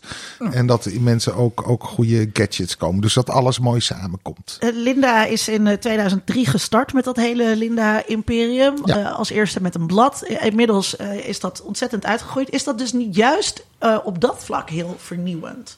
Dus misschien niet in wat ze maken, maar wel in de manier waarop eh, Linda dat mediabedrijf benadert. Klopt.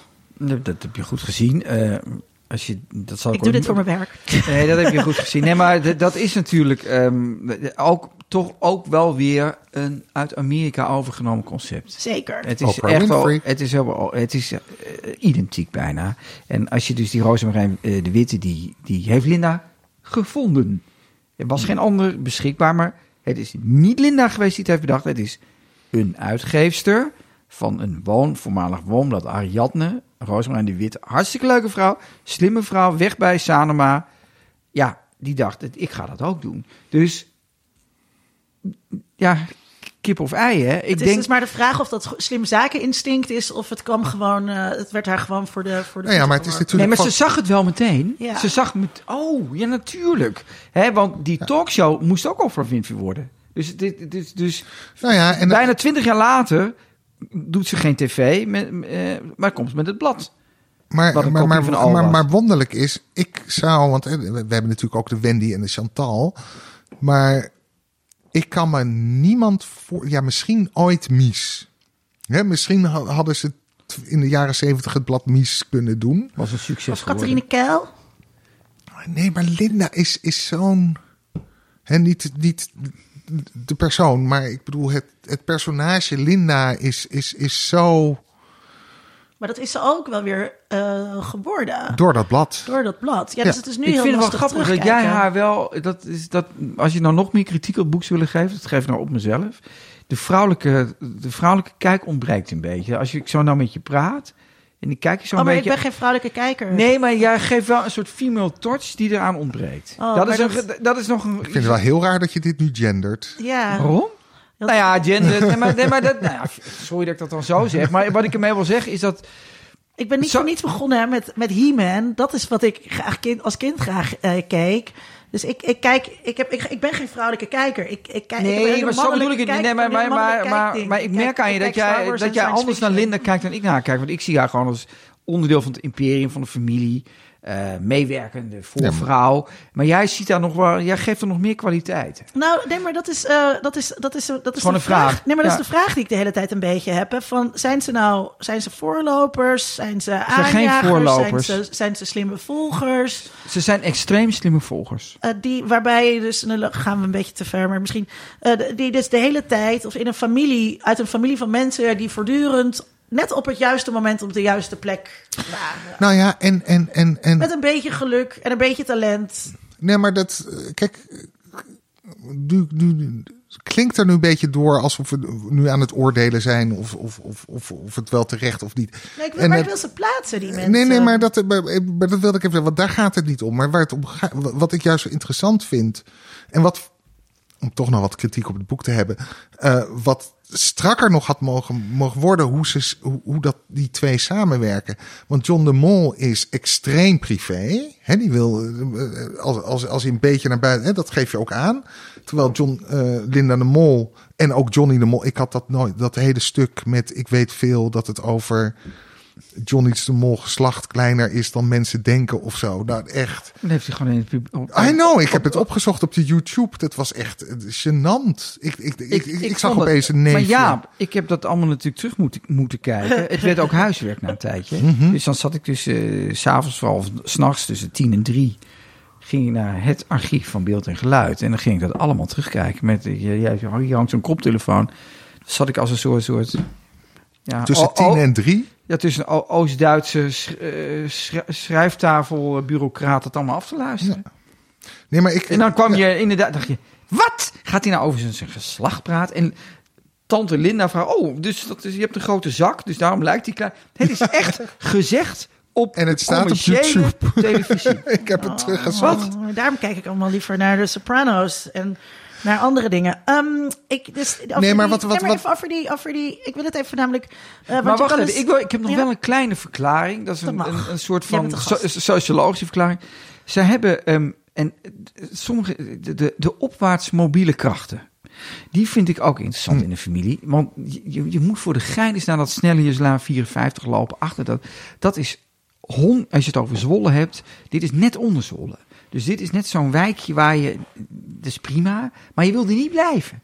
Je wil er altijd weg, want je wil vooruit.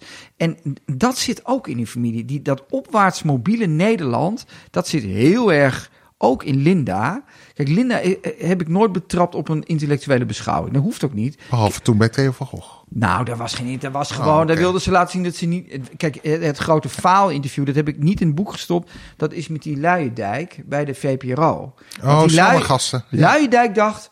Zij is een intelligente vrouw. Dat gaat ze vanavond aan mij laten zien. Ja. Ja, dat is een dat geen ongelooflijke arrogante opvatting.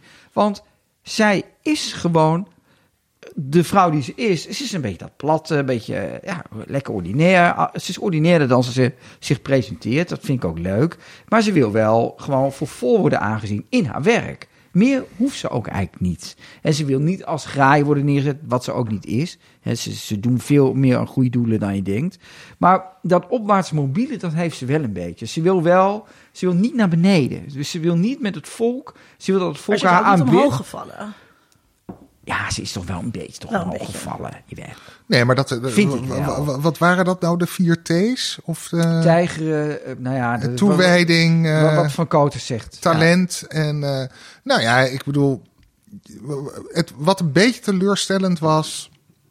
Nou ja, teleurstellend klinkt te persoonlijk. Maar wat mij verbaasde, was, was, was dat al bij De Wereld Draait Door of, of was al bij dat de vooravond?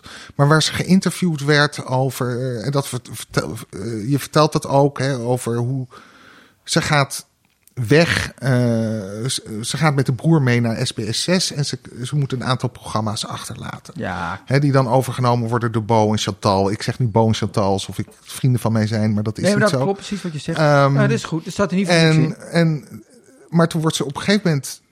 Ik weet niet meer of het bij de, Wereldwijd Door was of Ja, bij de bij- vooravond. Maar dan wordt ze daarover geïnterviewd. En dan, dan is ze persoonlijk geraakt. En dan denk ik, dat vind ik heel raar. Want ehm Dat, het is je... gewoon business. Precies. Hè? En, en, en daar mengen ze, want dan, eh, eh, ze verklaart ook ehm, hè, waarom ze met de broer meegaat naar SBS 6. Ja, het is maar dat broer. vind ik een onverklaarbaar.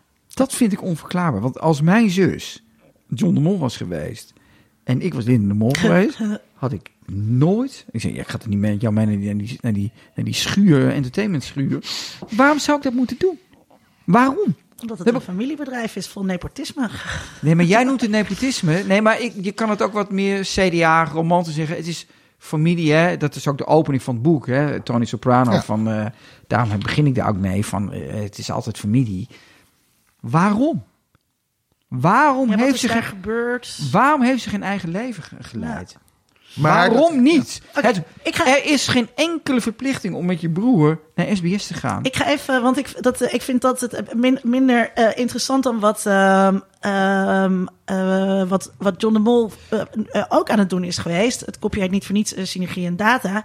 Eh, John de Mol is gaan bouwen aan een ja, data-imperium. maar dat was een totale mislukking vanaf de eerste Wat, seconde. kan je uitleggen wat de EMESA is? Emesa, dat is zijn databedrijf waar je dus eh, voor vakantieveilingen, dat soort, eh, dat soort bedrijven. Dus hij wilde eigenlijk een soort boeking gaan starten in Nederland. En dat heeft, dat heeft hij hier achter, want jij woont hier in de Marnixstraat, twee deuren verder in De La Mar. In november 2017 was hij zo boos dat hij werd gedwarsboomd door Google en Facebook. De man die Big Brother heeft bedacht. Die weet hoe internationale geldstromen werken, hoe formats werken en hoe data werken. Was boos omdat Google en Facebook groter zijn dan hij. Dat vond ik kinderachtig. Ja. Dus dat vond ik een beetje dat Cambuur zegt dat Ajax betere spelers heeft. Dat vond, heb ik ook toen tegen hem gezegd. Dus dat vond ik, vond ik flauw. Ehm, maar dan neemt hij dus niet de beste mensen aan. En je weet dat in de technologie zo, je moet nummer één of twee zijn. Nummer drie ben je niets meer waard. Hè? Booking is nummer één. Die vreten alles op. Dat is gewoon... En dat, wa- wa- wat Jaap over Linda zegt, van het is gewoon business. Kom op man. Die wedstrijd kun je niet winnen en heb je niet gewonnen. Maak dan met al je geld, je bent een goede maker, komen weer Sopranos of Breaking Bad. Maar is het niet Ga dan juist- toe naar wat je wil. Maar Maar is het niet juist dus heel slim eh, in deze tijd waarin eh, eh, data goud zijn, om eh, dus niet vakantieveilingen op te kopen omdat je eh, vakanties wil verkopen, maar omdat je de data van al die mensen wil te- koppelen aan andere Maar Linda, het is allemaal eh, veel te klein. Die, je hebt. hij moet het allemaal opbouwen. Het is allemaal veel te klein. maar hij heeft toch data zo'n beetje van alle Nederlanders? Nee, maar hij is helemaal geen grote speler. Het is helemaal niks. Het is echt, het, het stelt niks voor. En hij heeft daar dus niet de beste mensen op zitten.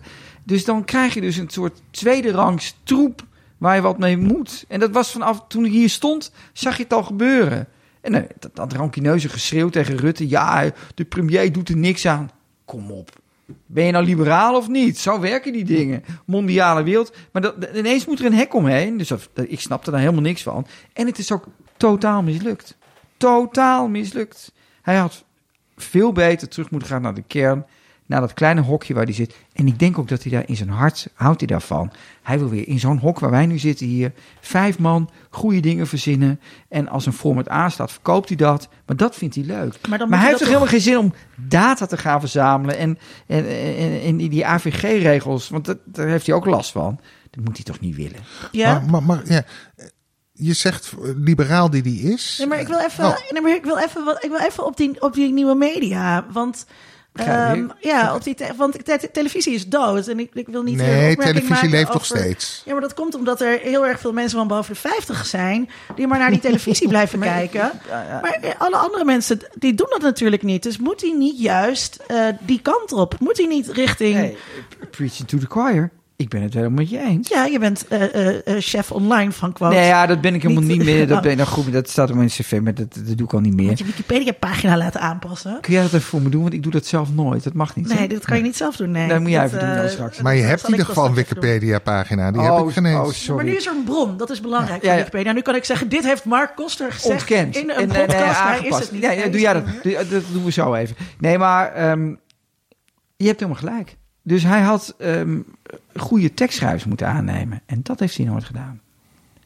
Hij dus, en zijn zus is supertalig. Dat is de grootste kritiek die ik op hem heb. Hij had, naar Linda, hij had Linda de baas moeten maken van het hele zooitje.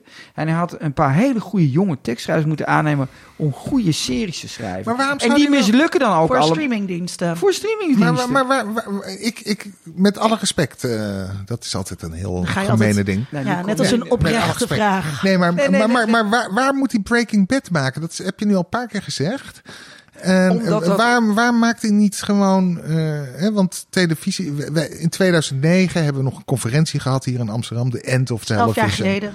Ja, nou, en toen dachten we, televisie is dood, televisie is dood. Televisie is, is, is een kakkerlak. Eh, Televisie gaat nog jarenlang mee in allemaal Maar verschillende dat ligt er vormen. wel aan hoe je televisie eh, conceptualiseert. Ja, en maakt. Maar lineaire televisie kijken, waarin we allemaal op hetzelfde moment afstemmen op eh eh, Ron eh, The Brandstede. Voice, op, op, eh, op heel, nou niet heel Holland Bak. Jawel. Op, eh, op, maar hoe heet het? Die, die, die boeren van eh Boer zoekt vrouw. Boer zoekt vrouw. Maar dat zijn- maar dat Daar zijn- kijken 4 miljoen Ja, mensen maar dat zijn 4 miljoen bejaarden. Nee, dat zijn niet alleen bejaarden, dat Nou, zijn vooral dit- gezinnen. Nee, maar dat, ja, dat maakt niet uit. Nou ja, bejaarden is- wel geld maar, en is- maar dat is toch, dat is. eh, eh, eh, eh, maar waarom uit- vind je het echt dat de bejaarden naar kijken? Dat vind ik niet erg, maar ehm, het is wel uitstervend. Dus, dus Nee, het is juist niet uitstervend. Want Ja, er zijn altijd mensen- bejaarden en er zijn gaan- altijd weer Nee, die kinderen die met ouders en kijken. op het moment dat ik bejaard ben, dan ga ik niet opeens weer een televisieabonnement nemen. Dan, dan Nee, blijf jij ik niet, oude maar heel veel anderen die- wel. Maar Die ik de deed. grap Dus is. dan de- blijf de- ik de- Netflix de grap kijken is, of naar Videoland. eh, dus dus ehm, daar zal je en de moeten molletjes zitten. zitten ook in Videoland. Dat kijk was helemaal mislukt natuurlijk. Hè? Dat, dat, wat, dat, daar wilde hij dus de klap mee maken. Dus hij moet nooit iets in technologie doen. Niet doen. Dat moet je echt niet doen. Dus dat, daar moet hij echt goede mensen... Maar hij moet gewoon goede dingen gaan maken. Hij, hij kan ook goede reality-programma's gaan maken. Maar zet er dan goede mensen op. Doe het niet zo cheapo. Ik ken natuurlijk heel veel van die mensen die daar werken. Mhm. Het is allemaal cheapo gedoe. En hij is zo dictatoriaal, joh.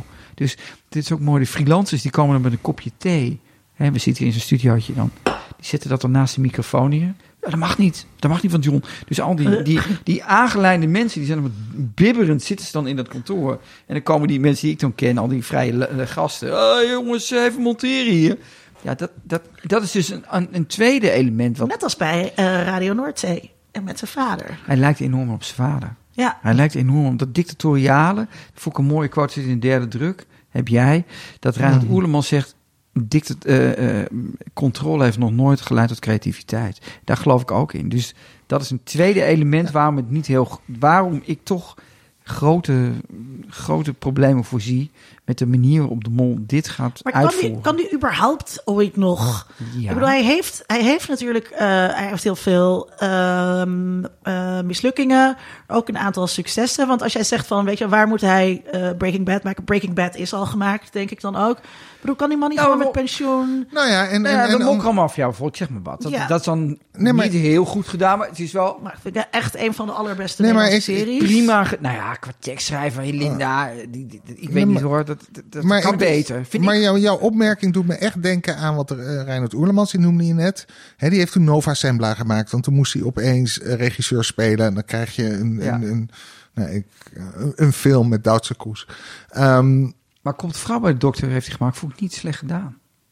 Ja, die heeft hij ook gedaan, ja. Vond ik echt goed gedaan. Maar die had John de Mol ook kunnen Maar wat wil maken. je zeggen over... Wat, is, wat wil je over Nou ja, wat ik. ik, ik, kijk, het, het, vind het, het feit dat iemand, een, het feit dat iemand een goede televisieproducent is. en ook heel goed op het juiste moment eh, zijn bedrijf kan verkopen.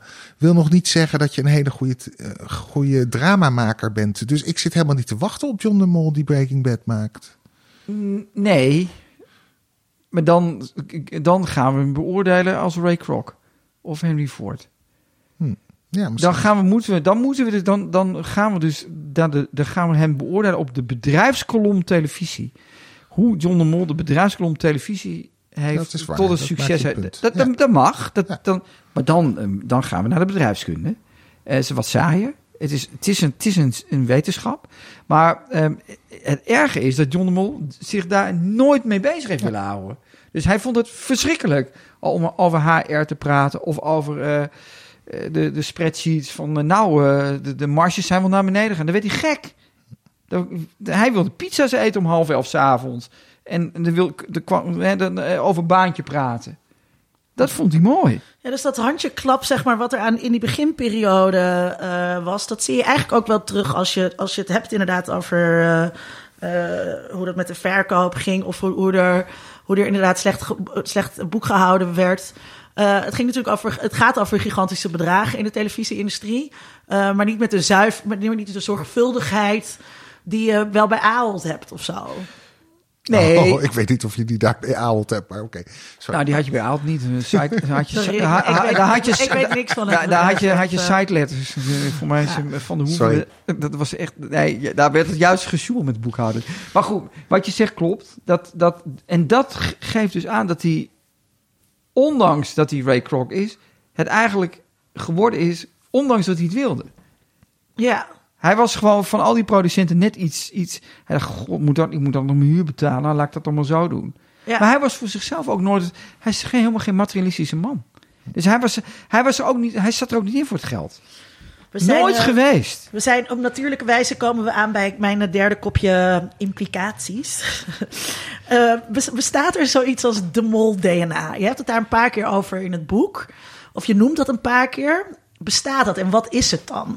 Ja, het bestaat wel. Eh, het, is, ik, wat, het is dus dat in Amerika van de, de Last Mile of zo. Die Amerikanen hebben dat. De dat Green die- Mile. de- de- ja, dat is dit. dit- Oké. ja, dat ook. Nee, maar ze lopen dus. Als jij denkt, nou, pff, ik kan niet meer. Gaat hij beginnen? Oh. En dat vind ik dus, dat, dat die onderhandelingen in Duitsland over, eh, eh, met, met, eh, met, met, met die grote, die Keers, wat een monster van een man is. Hè? Dat is gewoon, de, Frans Jozef Strauss van het bedrijfsleven was dat. Wie is die Kiers? Ja, die Kiers, dat was die Leo Kiers, dat was, dat was de grote baas in Duitsland, die gewoon al die zenders had.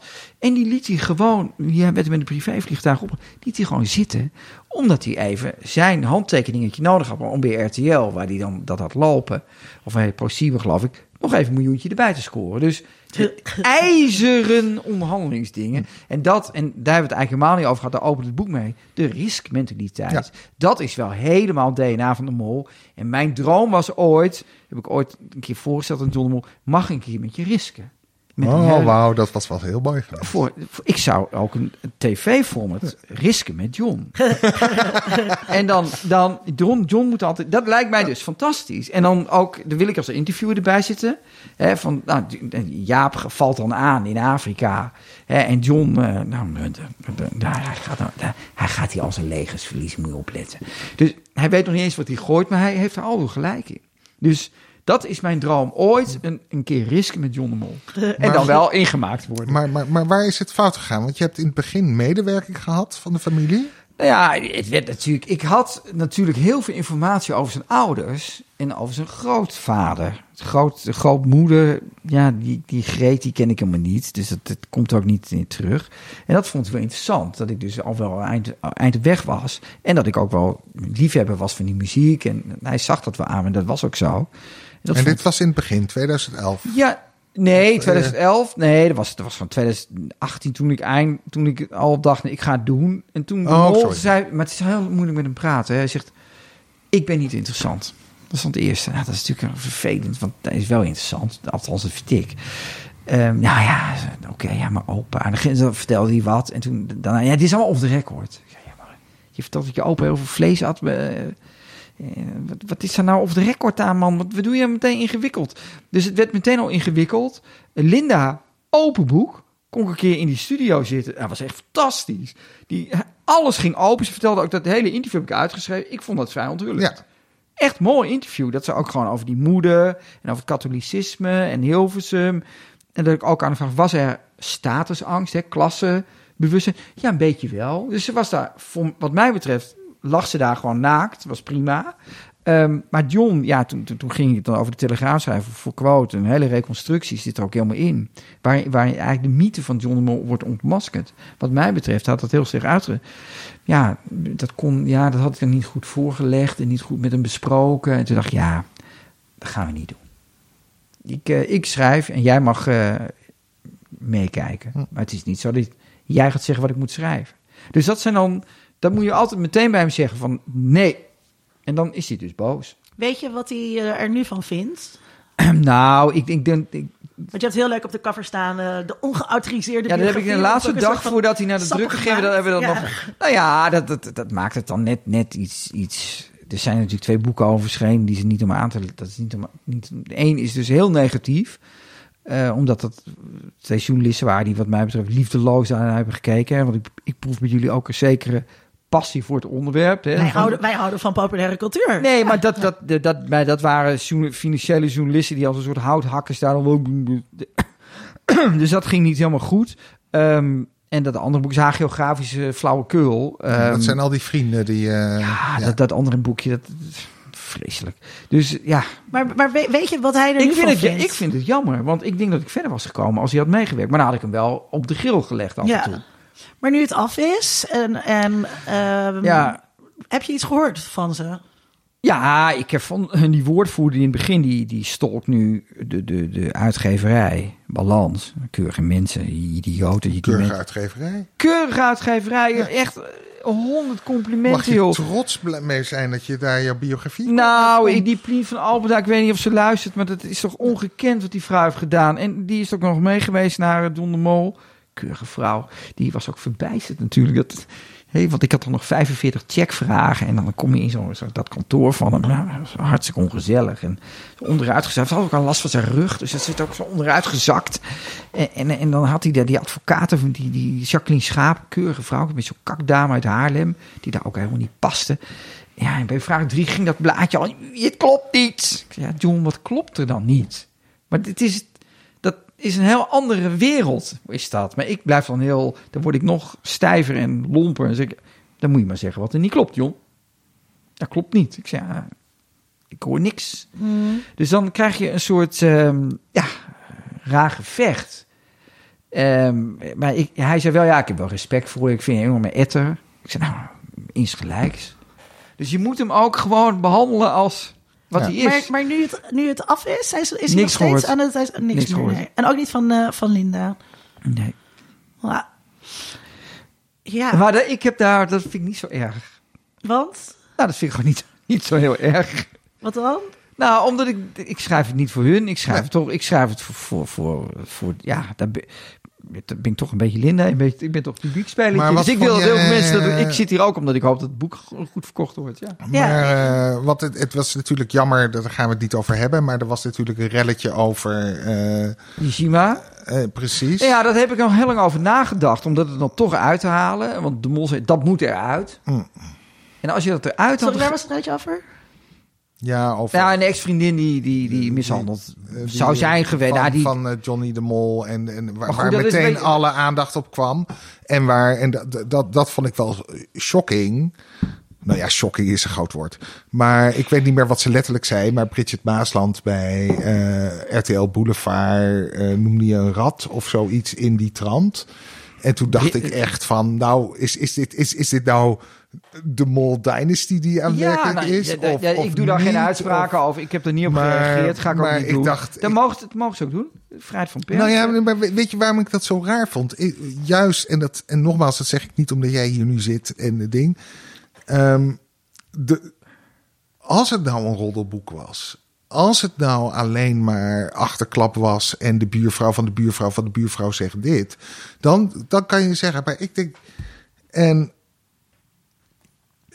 we, we missen in Nederland een traditie van eh, mensen die de boeken schrijven over het Nederlandse televisielandschap, wat, eh, wat dat laat zien. Ik ben het helemaal En, eens. en het, het is goed onderbouwd en oké, het had van mij wat, wat meer context mogen hebben. Maar, Maar, dan had je, ja, je had er wat hoofdstuk uit kunnen mieteren. En, maar goed, dan moeten we Nee, maar eens praten nee, over de is- promotie. wa- wat ik zo, wat ik zo, nee, nee, maar wat ik zo flauw, flauw vind, is dat het, eh, dat, dat in die discussie daarover het gebracht werd alsof het een roddelboek was. En het is geen roddelboek. Ik, ja, eh, barking at the wrong tree. Dus Ja. ik, ik ben het helemaal met je eens. Eh, maar ik, ja, ik ga niet Bridget, met Bridget Maasland in discussie over... Zou dat- ik ook niet doen. Ik vind dat, eh, ja, dat ga ik gewoon niet doen. Waarom? Niet om haar, of ik snap wel hoe ze, hoe ze dat, dat erin zit. En prima, ze mag alles zeggen. Prima. Ja, Dat, dat, mag, dat mag ze doen. Ik zeg dingen over haar, zij zegt dingen over mij. Zo werkt dat. Boksen. Ehm, Het is Jaap, boksen. eh, Jaap eh, had een mooi bruggetje eh, naar het einde van deze aflevering. En aan het einde van een aflevering beantwoorden wij altijd een vraag. Die we niet van tevoren altijd paraat hadden. Eh, maar heb ik eigenlijk wel een beetje. Ehm, ik, eh, ik stel eerst vraag en dan mag eerst Jaap antwoorden. En dan eh, heb jij eh, daar het laatste woord op. Of misschien pak ik het laatste woord, want het is mijn podcast. Ehm, wat, wat leert deze familiegeschiedenis ons nu over de geschiedenis van de media? Nou ja, wat het leert, en dat is een heel flauw antwoord, maar dan hoe ongrijpbaar het is. Hè, want, echt, daar heb ik echt helemaal niets mee. Ja. Nee, nee, nee, maar, maar het stammen. Want, want aan de ene kant denk je van. Het, het, het gaat over die personen. Het gaat over die. Je gebruikt het woord DNA. Het ga- gaat over die hele familie. Maar tegelijkertijd gaat het helemaal niet over die familie. Het gaat juist over het hele systeem eromheen.